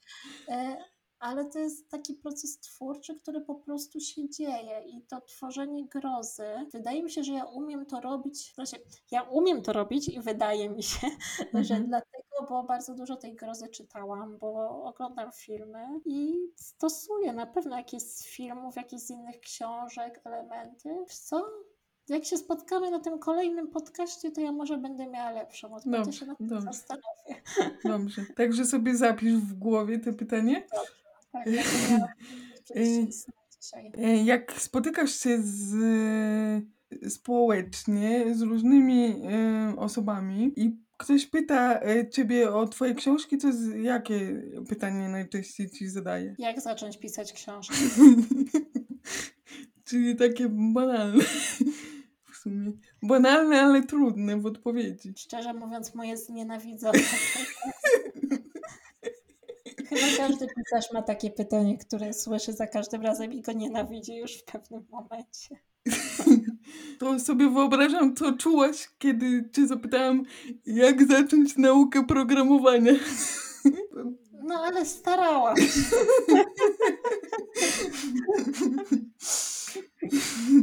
Skąd u Ciebie zainteresowanie modą? Wiem, że e, na różnych swoich profilach pokazujesz różne style ubioru. Co myślisz też o odzieży adaptacyjnej dla osób niepełnosprawnych? Myślisz, że mają kiedyś szansę wejść do sieciówek tak zwanych? Znaczy wiesz co, to jest e, kolejny temat. Mhm. To zróbmy z tego, nie wiem, 10 podcastów na ten, bo ja to widzę, że godzina nam wybiła, a ja dopiero się rozkręcę. tak, skąd u mnie zainteresowanie modą? Mhm. Stąd, że był taki moment w moim życiu, kiedy stwierdziłam, że ludzie się na mnie gapią. Mhm. Jest to naturalne i nie widzę powodu, by się obrażać, że ludzie gapią się kogoś na wózku, bo jestem w mniejszości i absolutnie naturalnym odruchem ludzkiego mózgu jest to, że jak widzi coś wyróżniającego się, to na to patrzy. Tak. Nie powinnam się na to obrażać, natomiast miałam takie poczucie, że jak już się na mnie gapią, to niech się gapią na fajną laskę. Mhm. I to ogólnie zbudowało we mnie taką potrzebę ekspresji. Ja ogólnie zawsze miałam bardzo dużą potrzebę właśnie ekspresji, wyrażania siebie, czy to przez twórczość, czy to przez jakieś e, kółko aktorskie, w którym byłam w podstawówce, e, występy publiczne. Nie zapomnę, jak próbowałam śpiewać piosenkę na jednym konkursie przeglądu talentów, a ja kompletnie nie umiem śpiewać. Mhm. Więc e, nauczyciele bardzo sprytnie dali mi do zrozumienia, że może jednak lepiej nie. Więc zawsze była we mnie duża potrzeba wyrażania siebie, a moda jest świetnym narzędziem do tego. Mhm. Pokazywanie właśnie pozwala pokazać charakter, pozwala wyrazić coś więcej niż słowami. Ja ogólnie często mam wrażenie, że jestem kiepska w mówieniu. Ja świetnie sobie radzę, jak mam coś napisać, ale ktoś mnie prosi o wypowiedzi, no to nie wiem, dzisiaj chyba nie jest tak źle. Potem no właśnie, też tak myślę. W tej kwestii zawsze mam takiego autodisa, więc ubranie było takim elementem, które właśnie pomagał mi się pokazać, pomagał mi się wyrazić, e, stworzyć siebie. Mm, ja się w chyba gimnazjum zainteresowałam modą gotycką. Miałam fazę na wszystkie takie mroczne stylizacje, koronki, dzwony, wielkie krzyże i tak dalej. Mhm. I to tak się rozwijało stopniowo, bardzo mocno w tą modę gotycką wchodziłam, e, bardzo mnie to interesowało. Jeszcze wtedy miałam takie podejście, że chcę wyglądać inaczej, ekstrawagancko, ale seksownie, mhm. ale jednocześnie adekwatnie do wieku, bo nie miałam, nie miałam takiego poczucia jak niektóre nastolatki, że chcą być wyzywające czy coś takiego. Wtedy tego nie miałam. Aczkolwiek jak patrzę z perspektywy czasu na swoje stylizacje, to się zastanawiam, jak ja mogłam się tak ubrać bo potrafiłam założyć całą koronkową bluzkę do szkoły i uważałam, że to jest okej. Okay. W ogóle miałam śmieszną szefę, bo miałam taką bardzo sympatyczną, ale taką bardzo słodką dziewczynę w klasie, w liceum. I było jakieś wydarzenie typu Halloween czy coś takiego. W każdym razie przybieraliśmy się wszyscy na czarno. I oczywiście kto służył garderobą? No Sylwia. Nigdy nie zapomnę, jak ta dziewczyna tak na mnie spojrzała. Taka słodka, roześmiana, blondynka w mojej sukience E, w jakichś tam moich bucikach. Wyglądała przepięknie, naprawdę, jak taka mroczna gotka. I tak spojrzała i chciała powiedzieć mi coś miłe, miłego i stwierdziła, Sylwia, już wiem od kogo pożyczę ubrania, jak będę miała pogrzeb w rodzinie. No, to, ta odzież zawsze była dla mnie bardzo ważnym elementem ekspresji, e, a taką modą bardziej w kierunku właśnie takiego orientowania się w temacie marek, high fashion, e, pokazów i tak dalej. Zainteresowałam się trochę później, mhm. jak już ta faza gotycka mi tak zależała i zaczęłam szukać takiej bardziej fazy na bycie sobą, na swoją stylizację. To też było związane z tym, że jak byłam nastolatką, w moich czasach bardzo mocno funkcjonowały subkultury mhm. i wydawało mi się, że jak się ubieram tak gotycko, mhm. E, to jestem taka wyróżniająca się, że jestem taka inna, a mi na tym zależało i jednocześnie, że przynależy do jakiejś właśnie takiej grupy, subkultury gotów i to było takie wow, fajne i w ogóle. A potem pojechałam na festiwal muzyki gotyckiej i nagle się okazało, że wśród tych wszystkich ludzi wyglądamy tak samo. No tak. I moja potrzeba wyróżniania się nagle dostała łopatą grabarza przez łeb. No Sylwia, wyróżniasz się, jeśli otoczenie jest inne? I tak właśnie zaczęłam sobie to wszystko rozkminiać i zastanawiać się, czy to na pewno jest mój styl. I doszłam do wniosku, że jest to coś, co bardzo lubię, co bardzo odpowiada mojej estetyce, ale jednocześnie też mnie ogranicza, bo były takie sytuacje, że jakieś ubranie mi się w sklepie bardzo podobało. Ja stwierdziłam, że go nie kupię, bo na przykład nie jest czarne, Mhm. Więc nie mogę go założyć, bo jestem przecież gotką. No i w ten sposób właśnie kształtował się mój styl, a jak chciałam kształtować ten styl, to zaczęłam się interesować modą i to wszystko tak się naturalnie rozwijało. Mhm. I do tego wszystkiego jeszcze dochodzi ten aspekt, że wszystko to, czym się zajmowałam zawodowo, czyli te szkolenia, programowanie, pisanie, e, prowadzenie właśnie jakichś tam zajęć, warsztatów, dziennikarstwo, organizacja wydarzeń, to są takie bardzo twarde rzeczy, które wymagały ode mnie twardej wiedzy, twardych umiejętności, takiego bardzo dużego skupienia. Mhm. A moda jest czymś w mojej perspektywie lekkim, takim właśnie relaksacyjnym. Nie podchodzę do mody tak, że muszę być specjalistką od wszystkich trendów, ale właśnie tak, że sobie obejrzę jakiś pokaz w ramach relaksu, to jest ładne, estetyczne, to mi się podoba. Bardzo lubię papierowe magazyny oglądać, więc e, z wakacji często przywożę zagranicznego Woga na pamiątkę, więc pooglądam mhm. sobie ładne sesje zdjęciowe. To też kształtuje to, jak się potem ubieram, no bo kształtujemy się na bazie tego, co nas inspiruje inspiruje i czym się otaczamy. Mhm. Uf, a w temacie mody adaptacyjnej e, spytałeś, czy doczekamy tego, że pojawi się w sieciówkach. Mhm. Nie wiem, mhm. jak e, do tego podejść, bo w tym momencie e, jedna z największych marek odzieżowych, z którą ostatnio współpracowałam, wypuściła tak. w swoich kolekcjach sieciowych tak. modę adaptacyjną. I to są normalne marki, które są ich Mhm. Więc można powiedzieć, że ta moda już jest w sieciówkach. E, duże marki od butów też wypuściły modele butów adaptacyjne. Jedna z większych marek odzieży takiej casualowo-sportowej, nazwijmy to, też wypuściła kolekcję adaptacyjną i to są rzeczy, które są normalnie w ich kolekcjach, więc można by powiedzieć, że już są w sieciówkach. Mhm. No ale czy w takim, no nie wiem, sklepie na Z czy sklepie na H? Właśnie o to mi chodziło. W galerii handlowej pojawi się moda adaptacyjna? To jest ciekawe pytanie. Fajnie by było, mhm. bo wiele z tych rzeczy ułatwia funkcjonowanie nie tylko osobom z niepełnosprawnościami, ale też z drugiej strony moda adaptacyjna jest czymś prostym, bo te elementy odzieży, które ja testowałam, to był na przykład y, golf, który ma zamek na ramieniu, by łatwiej było głowę włożyć. Mhm. I cała masa sprawnych osób mi powiedziała, że to jest świetne, no bo to fryzury nie popsuje kobiecie. No tak, tak. I po prostu to są takie rozwiązania, które ułatwią każdemu z nas życie. Też dla osób starszych. Y, e, tak, dla osób starszych, ale zauważ, że właśnie podkreślamy tą perspektywę mm, tej inkluzywności, czyli właśnie te osoby starsze, osoby z niepełnosprawnością. Mhm. A mi chodzi o to, że te rozwiązania nawet dla takiego standardowego, sprawnego, stereotypowego, nie wiem, jakiegoś tam uśrednionego Polaka są fajne. No. I myślę, że to też jest coś, co bardzo warto akcentować, mhm. bo inkluzywność jest bardzo ważna, ale jeśli mówimy o wkroczeniu na rynek sieciówkowy, czyli na rynek, któremu zależy przede wszystkim na kasie, tak, nie oszukujmy musi... oni są inkluzywni dlatego, bo teraz trzeba być inkluzywnym. Mhm. Po prostu. To jest marketing, to jest y, rzeczywistość, to są nasze czasy i tyle. Więc też y, trzeba podkreślać, że to się przyda osobom sprawnym i osoby tak. sprawne to docenią, a my na tym zyskamy. Na przykład y, też były, tam były jeansy z wyższym tyłem.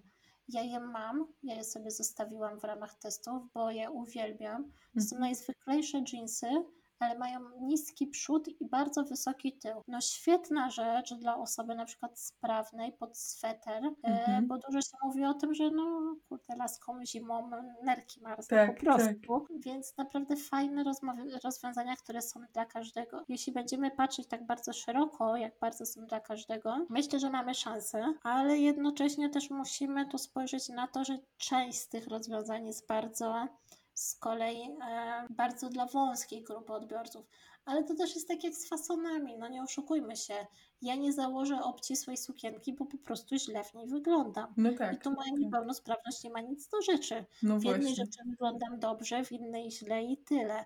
I osoba sprawna tak samo, więc na przykład jeansy z zamkiem na magnesy, bo takie też testowałam. Mhm. U mnie kompletnie się nie sprawdziły, bo mi się te magnesy w pozycji siedzącej rozjeżdżały, ale dla kogoś o innej budowie ciała, czy to sprawnej, czy niepełnosprawnej, może będą świetnym rozwiązaniem. I może tak na to trzeba patrzeć i w ten sposób to wszystko, co adaptacyjne, będzie, wiesz, wchodziło do głównego nurtu stopniowo mhm. i wtedy zobaczymy to w sieciówkach. I tu się pojawia pytanie, czy my tego chcemy, bo to wtedy nie jest adaptacyjne, tylko to jest ogólnodostępne i z jednej strony dobrze, z drugiej, jeśli ktoś będzie szukał czegoś precyzyjnego, czy nie będzie ciężej tego znaleźć.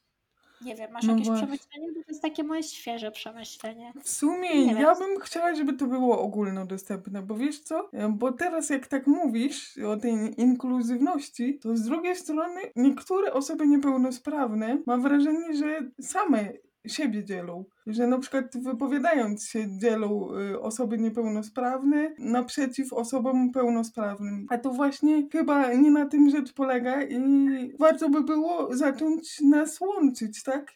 Mieszać ze sobą, a nie, wiesz, podkreślać tą różnicę y, w nas, tak? Że my się czymś tam różnimy. I to jest fantastyczne podejście. Ja się z tym absolutnie zgadzam i to jest ogólnie też to, co ja wyznaję w wielu kwestiach, e, tylko to też prowadzi mnie do takiego przemyślenia, które od jakiegoś czasu też sobie w głowie układam, że ta niepełnosprawność jest i ona czasami wymaga innych rzeczy. Mhm. I taka pełna inkluzywność może sprawić, że pewne rzeczy będzie ciężej znaleźć, mhm. przez to, że będą dla wszystkich. Właśnie zastanawiam, czy jeśli moda transparentna będzie przepraszam, moda właśnie taka adaptacyjna będzie modą, która się wtopi e, w taką modę codzienną, czy to będzie dobre, bo zauważ, że mamy mnogość fasonów, mnogość e, krojów, choćby bluzek czy kurtek, mhm. a osoby z niepełnosprawnościami często noszą rzeczy nieadekwatne do ich sylwetek, bo mówią, że nie potrafią znaleźć, że im się nie chce, że nie szukają, że nie lubią tego, lub ja regularnie słyszę, że nie ma i potem patrzę do swojej szafy, czy patrzę do pierwszego lepszego sklepu sieciówkowego i mówię, no mówisz, że czegoś tam nie ma, a tu jest, nie wiem, bluzka na rzepy, E, tu jest na przykład fason taki, wiesz, oversize, w który bez problemu założysz. Tu mamy coś na, nie wiem, jakieś napy, no. ale osoba, która tego potrzebuje, tego nie szuka, bo nie wie, gdzie tego szukać. No właśnie o to chodzi, że um,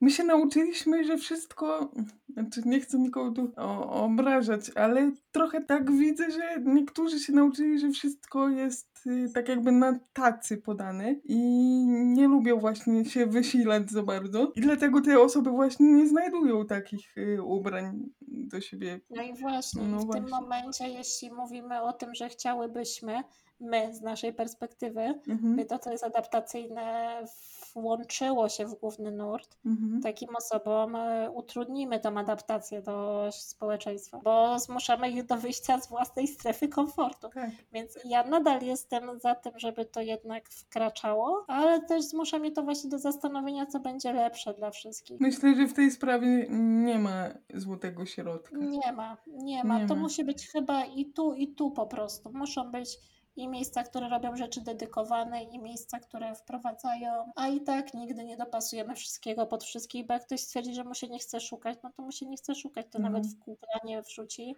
tak. bo po prostu łatwiej jest narzekać, że nie ma. Albo narzekać, że ubrania adaptacyjne są drogie. O tak, to no jest właśnie. klasyk, to tak często słyszałam. No właśnie. Co jest twoją największą mocą, jakbyś mogła powiedzieć? Co cię pcha do tylu zadań, które podejmujesz, do wstania z łóżka, że ci się chce? Hmm.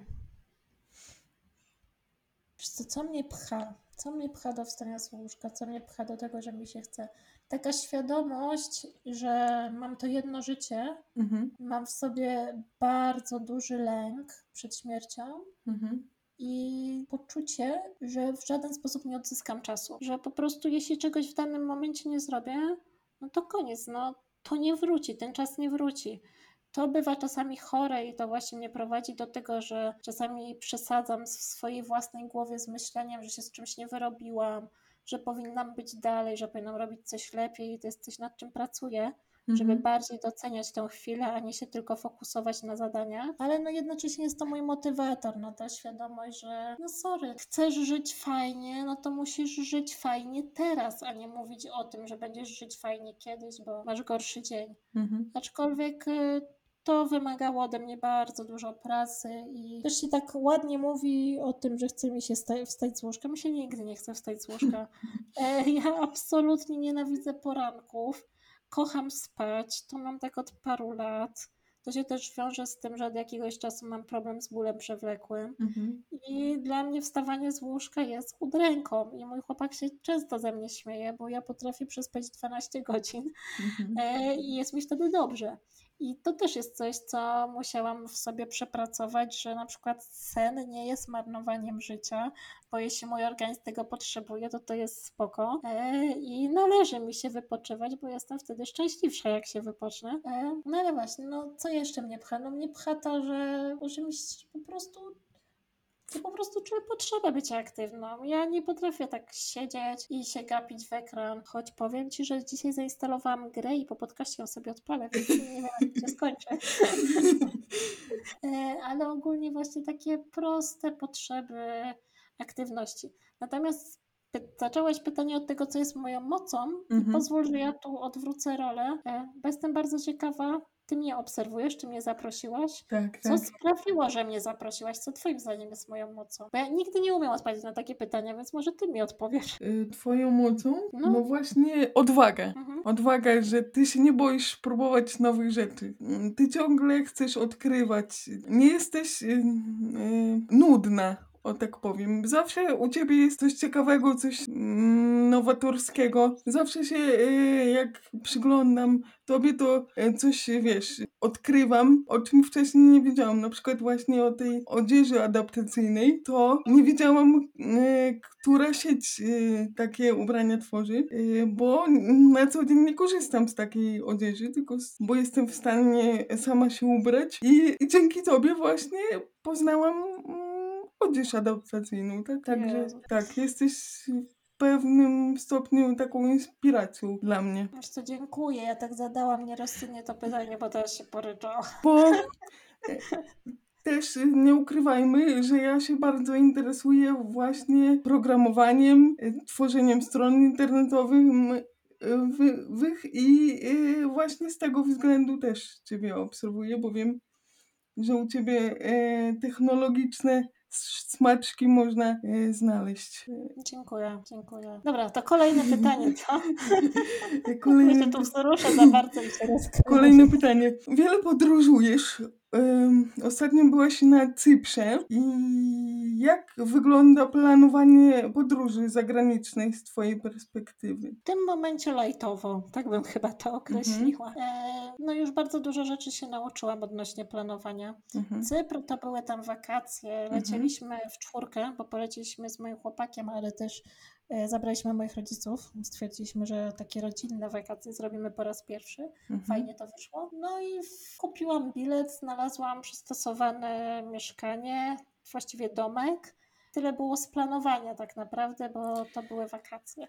Ale dużo właśnie musiałam się nauczyć takiego luzu i dużo więcej przygód miałam w zeszłym roku i rok wcześniej. Tak, pamiętam. Ja planowałam takie właśnie pierwsze wyjazdy e, z chłopakiem, samochodem całomiesięczny. No i to już było więcej e, pracy związanej właśnie z wyszukiwaniem noclegów, z wymyślaniem, gdzie warto się zatrzymać, co warto zobaczyć. E, jak jeździmy we dwójkę, no to chłopak jest jedynym kierowcą, więc też z rozplanowaniem trasy tak, żeby on się nie przemęczył. Mhm. Bo to nie chodzi o to, że gdzieś dojedziemy, on padnie na pyska, ja będę sobie radośnie biegać tak, i zwiedzać, bo tak. spałam całą drogę więc e, tego było sporo, mhm. ale ja się też tego wszystkiego uczyłam wcześniej, mhm. bo u mnie miłość do podróży się zaczęła gdzieś w wieku 18 lat chyba. Ja wcześniej dużo jeździłam z rodzicami, bardzo lubiliśmy jeździć nad morze. E, byłam jako takie małe dziecko w Paryżu, więc zwiedzaliśmy trochę tego świata. Mhm. E, znaczy świata Polski bardziej właśnie. Ale jak miałam 18 lat, marzyłam o tym, by zobaczyć Helsinki. Mm. I moi rodzice powiedzieli, że okej, okay, jak zorganizuję, zbiorę kasę i tak dalej, no to można pojechać. Mhm. Więc ja na 18 urodziny poprosiłam wszystkich, żeby pieniądze mi dawali. Ja właśnie wtedy zaczęłam te prace copywriterskie robić, różne teksty pisać. Mhm. Zaoszczędziłam faktycznie na taki wyjazd trzyosobowy yy, i pojechaliśmy samochodem przez Litwę, Łotwę, Estonię. Wow potem promem i do samych Helsinek. I to była taka pierwsza podróż, którą zaplanowałam. Mhm. Sporo rzeczy wtedy było nie tak, bo na przykład e, w Estonii się okazało, że jest problem z hotelem. W Helsinkach miałam punkty, które chciałam pozwiedzać, ale walizkę nie tak miałam spakowaną, bo Helsinki no, kojarzą się nam z zimnem, to jest Finlandia. Mhm. Okazało się, że trafiliśmy na rekordowe upały w ich czasie i nikt z nas nie miał w czym chodzić wtedy. E, więc to były takie początki. na promie toaleta była fatalnie przystosowana. Teraz już na przykład właśnie po tym się nauczyłam, że jeśli będę gdzieś płynąć promem, to lepiej skorzystać przed wejściem na pokład, bo te toalety na promach bywają różnie przystosowane. Mm -hmm. Dużo takich detali, na które nauczyłam się zwracać uwagę, ale w tym momencie bardzo tak odruchowo na nie patrzę. Odruchowo już wiem, co i jak robić. Więc to planowanie, jeśli mówimy o takich wakacjach, jest takie naprawdę na luzie, nie? No, mhm. kupię bilet, znajdę najtańszy. Jak się kupuje bilet samolotowy? Tym się może podzielę, bo osoby z niepełnosprawnościami regularnie też się mnie o to pytają, jak to się robi. Więc e, przy zakupie biletu trzeba zgłosić, że się ma niepełnosprawność. Mhm. E, ja zawsze biorę niepełnosprawność PRM, to oznacza, że jestem osobą potrzebującą pomocy w dostaniu się do samolotu, w przejściu mhm. w samolocie na miejsce i tak dalej. E, ekipa mnie odbiera na lotnisku, potem się spotykam z nimi przy wyjściu, albo oni mi cały czas towarzyszą. Taka ekipa mm, tych mojego asystentów mhm. E, pomagają mi wejść do samolotu i tak dalej, więc już mam to wszystko przetrenowane. A jak to, Teraz... A jak to wygląda w kontekście Twojego wózka elektrycznego? Bo wiem, że e, akumulatory, czy Ty zabierasz ze sobą na, na pokład? Jak to wygląda? Nie, nie, nie. E, w moim wózku mhm. akumulatory zostają bezpośrednio w wózku mhm. i ja je wyłączam bezpiecznikiem.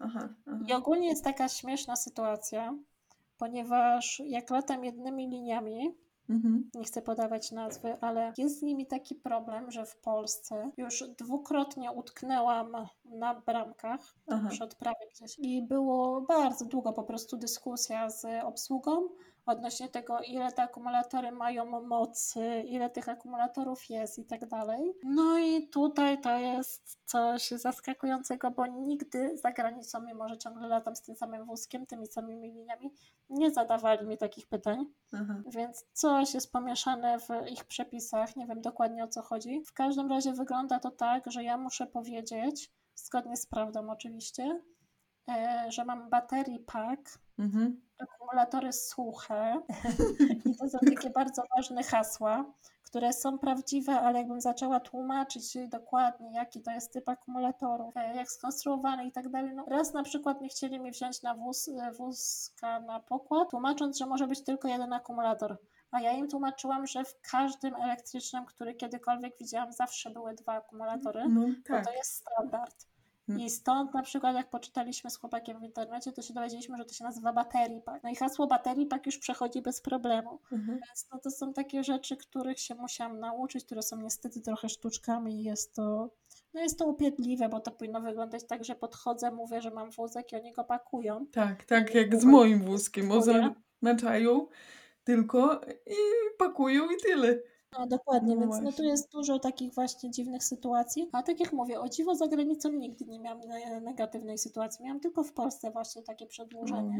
No, no i w tym wózku ja mam bezpiecznik, mhm. więc ja informuję o tym, że wyłączam bezpiecznik. Wtedy wszystko jest odłączone, akumulatory są odłączone za pomocą bezpiecznika. Nie pozwalam ich wyciągać, bo to by wymagało właśnie rozkręcenia tak, tam skrzyni. Tak. I na pytania, czy się da, to ja po prostu mówię, że się nie da, bo tu jest bezpiecznik specjalnie do transportu. Mhm. To przechodzi i wszystko jest zgodnie z prawem, tak jak trzeba. I też e, sztuczka, której się nauczyłam e, na jednym zagranicznym e, Instagramie. Mhm. Obserwuję takiego podróżnika z wózkiem elektrycznym i właśnie bardzo się zawsze bałam o to, gdzie mój wózek skończy i czy na pewno ze mną poleci. I teraz przed Cyprem kupiłam takie nadajniki, lokalizatory mhm. do walizek, do telefonu komórkowego i typowo jeden mam cały czas w wózku więc jestem na pokładzie samolotu i sprawdzam, czy na pewno wózek był spakowany. Nie mam pojęcia, co bym zrobiła, jakby nie był. No właśnie. No jeszcze takiej sytuacji nie miałam, ale myślę, że jakiś tam alarm by może mogła podnieść, ale czuję się bezpiecznie, bo mogę sprawdzić, gdzie mój wózek jest, a już raz miałam sytuację w Polsce na lotnisku, że nikt nie mógł mojego wózka znaleźć, bo ktoś go gdzieś odstawił przy bagażach i on sobie tak tam stał i tyle. I nic mu się nie stało, tylko po prostu nikt nie wiedział, gdzie on jest, więc mhm. już Wolę mieć lokalizator, bo się czuję pewnie i bez problemu bym samego wtedy znalazła. Rozumiem. A jakie wrażenia z podróży na Cypr? Mieszane. Bardzo mi się podobała przyroda. Mhm. Naprawdę przepiękna, ale niewiele jej widzieliśmy. E, ogólnie to były naprawdę fajne wakacje, bo wypoczęłam z bliskimi. Mhm. Pierwszy taki właśnie wyjazd też z rodzicami, tak jak wspomniałam, od nie wiem, 8 lat może, 9 bo my mieliśmy w ogóle taki zwyczaj, że jeździliśmy, dwa razy nam się udało, e, samochodem po Europie z moimi rodzicami i moimi babciami. Mhm. Taki wesoły samochód sobie robiliśmy. E, więc fajnie było wrócić do tego i znowu gdzieś pojechać razem. Natomiast e, Cypr zaskoczył nas pogodą która okazała się koszmarna. Wszyscy się dziwili. Cypryjczycy się dziwili. Świat się dziwił normalnie. Przylecieliśmy i mówiono nam, że dzień wcześniej było 25 stopni, Mhm. A my mieliśmy wiatry, ulewy i 5 stopni. W porywach do 13 chyba w, w najcieplejszy dzień. I czasem słońce wyszło. Więc ogólnie. To taka Szkocja trochę. Niewiele skorzystaliśmy. E, ja trzeciego dnia się rozchorowałam. Piątego straciłam głos. Co oczywiście nikt mi tego nie powiedział wprost, ale obstawiam, że wszystkich ucieszyło, mhm. że nie mogę mówić. ale e, faktycznie no, tak, nie były to takie ciepłe wakacje w słonecznym kraju, jak się spodziewaliśmy, tylko raczej takie zwiedzanie dość na speedzie. Mhm. Poza tym bardzo dużo historii, bardzo dużo otwartych terenów, wykopaliska jakieś archeologiczne i tak dalej. Jednak jak e, deszcz e, wali po plecach, to się trochę gorzej to ogląda. No ale w drugą stronę, tak jak właśnie wróciłam z Cypru z takim poczuciem, że, że to takie jest fajne miejsce, ale trochę przereklamowane i że chciałabym tam wrócić, jak będzie ciepło, właśnie zobaczyć więcej tej przyrody, no to na Cyprze widziałam najpiękniejsze miejsce na ziemi moim zdaniem. Czarną plażę pośród białych skał i ogólnie takie białe skały i się absolutnie zakochałam i do tego miejsca wracam myślami regularnie. Mhm. A dawno mi się nie zdarzyło jednak, żeby mnie coś aż tak urzekło, jakieś miejsce, że zostało w moim sercu tak głęboko. Więc no, Uwielbiam, uwielbiam to miejsce i tam bym chciała wrócić. Dlatego mówię, że Cypr mnie tak e, pół na pół, bo z jednej strony mi się wydał przereklamowany, ale z drugiej z uwagi na pogodę zwiedzaliśmy głównie miasta. A dużo się mówi o tym, że na Cyprze się zwiedza jednak przyrodę, że to Mhm. ta przyroda zachwyca, nie te miasta. Zobacz kiedyś, jak wrócę tam. A czy masz jakieś miejsce, do którego byś chciała wrócić i możesz z pełną świadomością polecić osobom niepełnosprawnym poruszającym się na wózkach to miejsce? Wiesz co, to chyba byłyby dwa odrębne pytania. No to potraktuj to jako dwa odrębne pytania. Okej, mm, gdzie bym chciała wrócić? Do Mhm. Menton. E, Marzę o tym, by zamieszkać w Menton. Mhm. E, Zresztą z chłopakiem oboje tak się zakochaliśmy w tym miasteczku, że to jest takie nasze, takie nasze miasteczko ze snów, z marzeń, nie wiem. Mhm. No, no gadamy o tym bardzo często i plan był taki, żeby tam się naprawdę tak na serio wyprowadzić. Mhm. E, to jest we Francji, na Lazurowym Wybrzeżu. Ale po pierwsze koszta, a po drugie jednak mamy dużo zobowiązań w Polsce. Mhm. Więc na razie plan bazuje na tym, że może na miesiąc sobie tam coś wynająć, może na dwa miesiące się przenieść.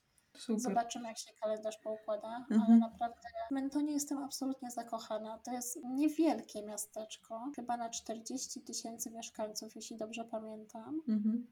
Przyklejony do góry, więc jest tak mocno stromo, Mhm. ale mimo tej stromizny jest dość dobrze dostępne. Łatwo mi się tam poruszało. Główny deptak jest płaski, dużo restauracji jest płaskich. e, Ma przepiękną promenadę nad samą wodą. Promenada jest absolutnie niesamowita. E, Z takim pięknym drzewem. To jest takie wielkie drzewo o takim jak bulwiastym pniu, z takimi rozgałęzionymi, takie rozgałęzione, no cudowne. Ja bym musiała po prostu zdjęcia tutaj teraz do tego podcastu wklejać. Mhm. E, ale w Mentonie jestem zakochana. Tam w ogóle trafiliśmy przez przypadek, żeby było zabawniej, bo mm, jak byliśmy w zeszłym roku, w maju, postanowiliśmy zwiedzić Lazurowe Wybrzeże. Mieliśmy spędzić ponad tydzień w Marsylii. Mhm. I kiedy dojechaliśmy do Marsylii, okazało się, że jest problem z naszym hotelem. Ogólnie rzecz biorąc, że nie mamy gdzie spać. Aha. E, A ta Marsylia była właśnie najdłuższym pobytem i jak nagle wypadło nam, nie pamiętam teraz, chyba 10 nocy, to pojawił się poważny problem. I ja zaczęłam szukać, gdzie możemy się przenieść, gdziekolwiek już, żeby po prostu było w budżecie sensownym i przystosowane. To okazało się, że pokazało mi hotel 200 km dalej właśnie w Menton. Po prostu wszystko było tak pozajmowane albo tak drogie, Mhm. że nie mieliśmy gdzie spać. A że jeździliśmy potem lazurowym samochodem, no to wsiedliśmy w samochód i pojechaliśmy do tego Menton, kompletnie nie wiedząc, gdzie jedziemy. Mhm. I byliśmy zachwyceni, bo się okazało, że Marsylia była strasznie brzydka. Menton było przepiękne i Menton mnie też urzekło tym, że jest w samym centrum miasta maleńki dworzec. Teraz nie pamiętam konkretnie odległości, ale powiedzmy, że w zasięgu godziny, półtorej godziny pociągiem była Nicea, było Cannes, było Monaco. Pociągi odjeżdżają co chwilę. A to super. wszystkie, wszystkie praktycznie były przystosowane, bo Francja ma coś takiego, że oni mają rampy u siebie mm, na peronach, Mhm. więc jeśli przyjdziesz pół godziny wcześniej na peron i powiesz, że będziesz jechać, to na takich małych dworcach cię wsadzą. Mówili mi, że w takim na przykład Paryżu byłby problem, bo tam jest bardzo dużo zgłoszeń Mhm. i mogliby się nie wyrobić, ale że w takich właśnie małych miejscowościach nie ma problemu, więc podróżowanie jest bardzo łatwe między tymi miastami. No i w Menton sobie potrafię wyobrazić właśnie swoje życie przez jakiś czas bez problemu. Góry, morze, ciepło, Super. pięknie, wysoka dostępność właśnie. No ale niestety nie mogę polecić go też w kontekście takim, jak spytałaś o miejsce, które poleciłabym typowo osobom z niepełnosprawnością. Ruchowo. E, bo chociażby nie ma tam przystosowanej plaży, a tego szkoda. No tak. E, nie ma typowo jakiegoś wejścia do morza, nic takiego. Mm, Więc najfajniejsze miejsce pod kątem dostosowania. Jejku, nie wiem. Potrafię powiedzieć o fragmentach miejsc, które są naprawdę świetne pod kątem dostosowania. Mhm. Na przykład bardzo dużo osób na wózkach boi się Wenecji. Ja też się bałam, kiedy pierwszy raz jechałam i dlatego pojechałam specjalnie na wózku aktywnym. E, jeszcze z babciami i rodzicami i jeszcze zabłądziliśmy w Wenecji, więc w pewnym momencie nosili mnie po schodach góra, dół, góra, dół, góra, dół, bo nie mogliśmy się z tego cholernego miasta wydostać, Mhm. a pociąg nam odjeżdżał, czy tam autobus, więc było hardkorowo, ale teraz już Wenecję tak zaplanowałam na poważnie, że się zorientowałam jak tam z dostępnością i właśnie Wenecja jest świetna, ponieważ w większość miejsc można dopłynąć ich taksówkami wodnymi, Mhm. a taksówki wodne mają bardzo fajnie dostosowane. Na ogół jest rampa, można bez problemu wsiąść i bardzo dużo zwiedzić, więc uważam, że to jest takie fajne miasto na wózku, wbrew temu, co się właśnie o nim mówi. Mhm. Aczkolwiek, no nie oszukujmy się, całej Wenecji się nie zobaczy, No tak. ale jest nieźle, jest nieźle. Na pewno jeśli ktoś uwielbia pływać, to świetna jest Chorwacja, bo w Chorwacji, mimo że Chorwację uważam za słabo przystosowaną, Mhm. jak się wychodzi poza miejsca turystyczne, jest bardzo dużo wysokich krawężników, bardzo ciężko znaleźć przystosowane toalety i tak dalej, to oni jeśli już mają coś przystosowane, to mają na 100%, tak naprawdę na wypasie. Więc są tacy śmieszni, że albo jest słabo, albo jest super. I w wielu miejscach mają specjalne windy do wody. Więc Mhm. ja w Chorwacji po raz pierwszy od naprawdę wielu lat, konkretnie w Splicie, pływałam w morzu. Usiadłam na takim krzesełku, przypięli mnie pasami i to krzesełko wjechało prosto do morza.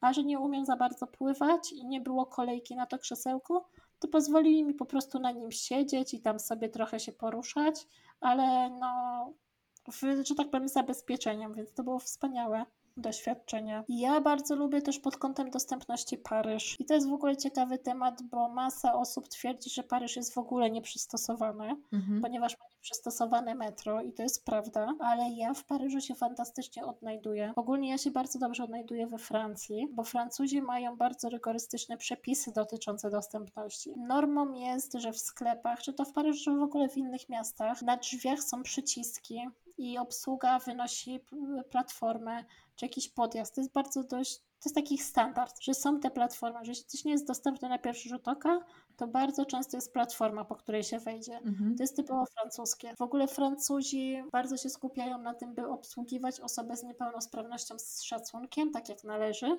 Do tego stopnia, że czasami miałam wrażenie, że dochodziło do śmieszności, bo jestem na randce z chłopakiem i jakoś tak naturalne dla mnie jest, że no kelner mówi z tym chłopakiem, potem ja zamawiam i tak dalej, no ale jednak to jest randka z chłopakiem. E, A kelner tak bardzo chce być w porządku i w ogóle wobec mnie, że wszystko jest do mnie i ja przyjmuję całą tam, wiesz, rozmowę i wszystko. Więc bardzo zwracają uwagę na takie detale. Bardzo zwracają uwagę właśnie na dostępność autobusów na przykład. We Francji właśnie pociągami się spoko jeździło. Mhm. No dobrze wspominam Francję pod kątem dostępności, ale to są moje doświadczenia, bo ja czytam tak wiele negatywnych wypowiedzi od osób z niepełnosprawnością ruchową na temat Francji, że czasami mi się wydaje, że jakieś dwie różne Francje zwiedzaliśmy.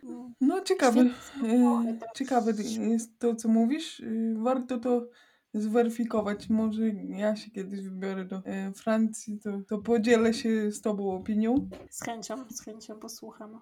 E, Może ja wtedy cię przepytam. No właśnie, jak, jak tak podróżujesz, to co byś chciała, żeby u nas się zmieniło pod względem dostępności? Em, Znaczy, zaczęłabym od tego, że Polska wypada fantastycznie na mapie Europy. Nie jestem z osób, które by chwaliły Polskę, bo widzę bardzo dużo kiepskich rozwiązań u nas. mhm, Ale w porównaniu z Europą naprawdę w Polsce jest dobrze. Nie spotykałam się z wieloma absurdami, które widziałam w Europie. E, największym hitem gdzieś w górach e, przy drodze. Nie wiem, czy to były Włochy, czy nie Włochy, bo nie, nie pamiętam. W każdym razie poszłam do publicznej toalety na stacji benzynowej, a tam była, uwaga, uwaga, deska samounosząca się. I to był hit normalnie, bo moje skorzystanie z toalety przez to, że potrzebuję czyjejś pomocy w przesadzeniu mnie, mhm. wyglądało tak, że musieliśmy mieć trzecią osobę, która będzie deskę trzymała, bo ona się podnosiła, jak nie miała obciążenia. E, więc widziałam już naprawdę różne absurdy w Europie, różną jakość dostępności. I ja uważam, że w Polsce jest naprawdę dobrze. Ja bym chciała, żeby Polacy lepiej dostosowali e, komunikację, i to miejską, i to Mhm. międzymiastową. Tak. Bo na przykład we Włoszech, e, jak się zamawia przyjazd pociągiem, to oni na dworcach mają rampy i wsadzą człowieka praktycznie do każdego pociągu. Tak samo we Francji. Mhm. I faktycznie to jest naprawdę świetne, że podchodzą z tą rampą, wsiadasz i nie ma problemu. No a w Polsce jest ten system postawiony na to, że każdy pociąg ma swoją rampę, co też ma zalety, bo nie istnieje ryzyko, że nagle rampy braknie na dworcu. Tak. No ale w drugą stronę, jak taka rampa się psuje, to często nie ma alternatywy. Mhm. Świetne są tramwaje francuskie, bo pod, mają tak doskonale wyliczone odległości między peronami a wagonami, że wsiada się bez żadnej rampy. Idealnie na płasko jest. Mhm. I ja nie zapomnę, jak e, MPK w Poznaniu remontowało taką główną drogę mm, Królowej Jadwigi i tam robili dużo remontów i remontowali kolejne przystanki. I ja jako osoba na wózku jednak widzę, że jeden peron jest trochę niżej, jeden jest wyżej, no bo ja widzę różnicę we wsiadaniu. Mhm. Na tym peronie jakoś dam radę elektrykiem, a na innym muszę poprosić o pomoc. A oni ze mną się na Facebooku kłócili, że wszystko jest zgodne z przepisami, bo wszystko jest dokładnie w normie i oni się upierali, że perony są takiej samej wysokości. No tak. No to Francuzi robią to lepiej. U Francuzów szczelina ma może centymetr, może nawet pół centymetra. Więc naprawdę fantastycznie się wsiada do ich tramwajów. Mhm. No ale nie wiem, no chyba jeśli by miało się coś tak zmienić, co jest też łatwe do wprowadzenia i szybkie, to najbardziej bym głosowała za tym, żeby popularne się stały te przyciski wołające o otwarcie drzwi Tak. i wołające o rozłożenie rampy. Właśnie te, które tak we Francji często spotykałam. Bo to jest bardzo proste rozwiązanie mieć rampę za 3 czy 4 stówy e, i ją po prostu rozłożyć osobie na wózku, Mhm. e, zamiast przebudowywać całe wejście, kombinować z progiem i tak dalej, a no wielu osobom się nie chce. Ale to też się zmienia, bo we Wrocławiu jest taka fajna seria, gdzie jest bardzo wysoki próg, ale jest tylko jeden próg. Mhm. Więc stwierdziłam z chłopakiem, że jakoś wejdziemy, bo na jeden nie wciągnie, a ponoć mają świetną pizzę.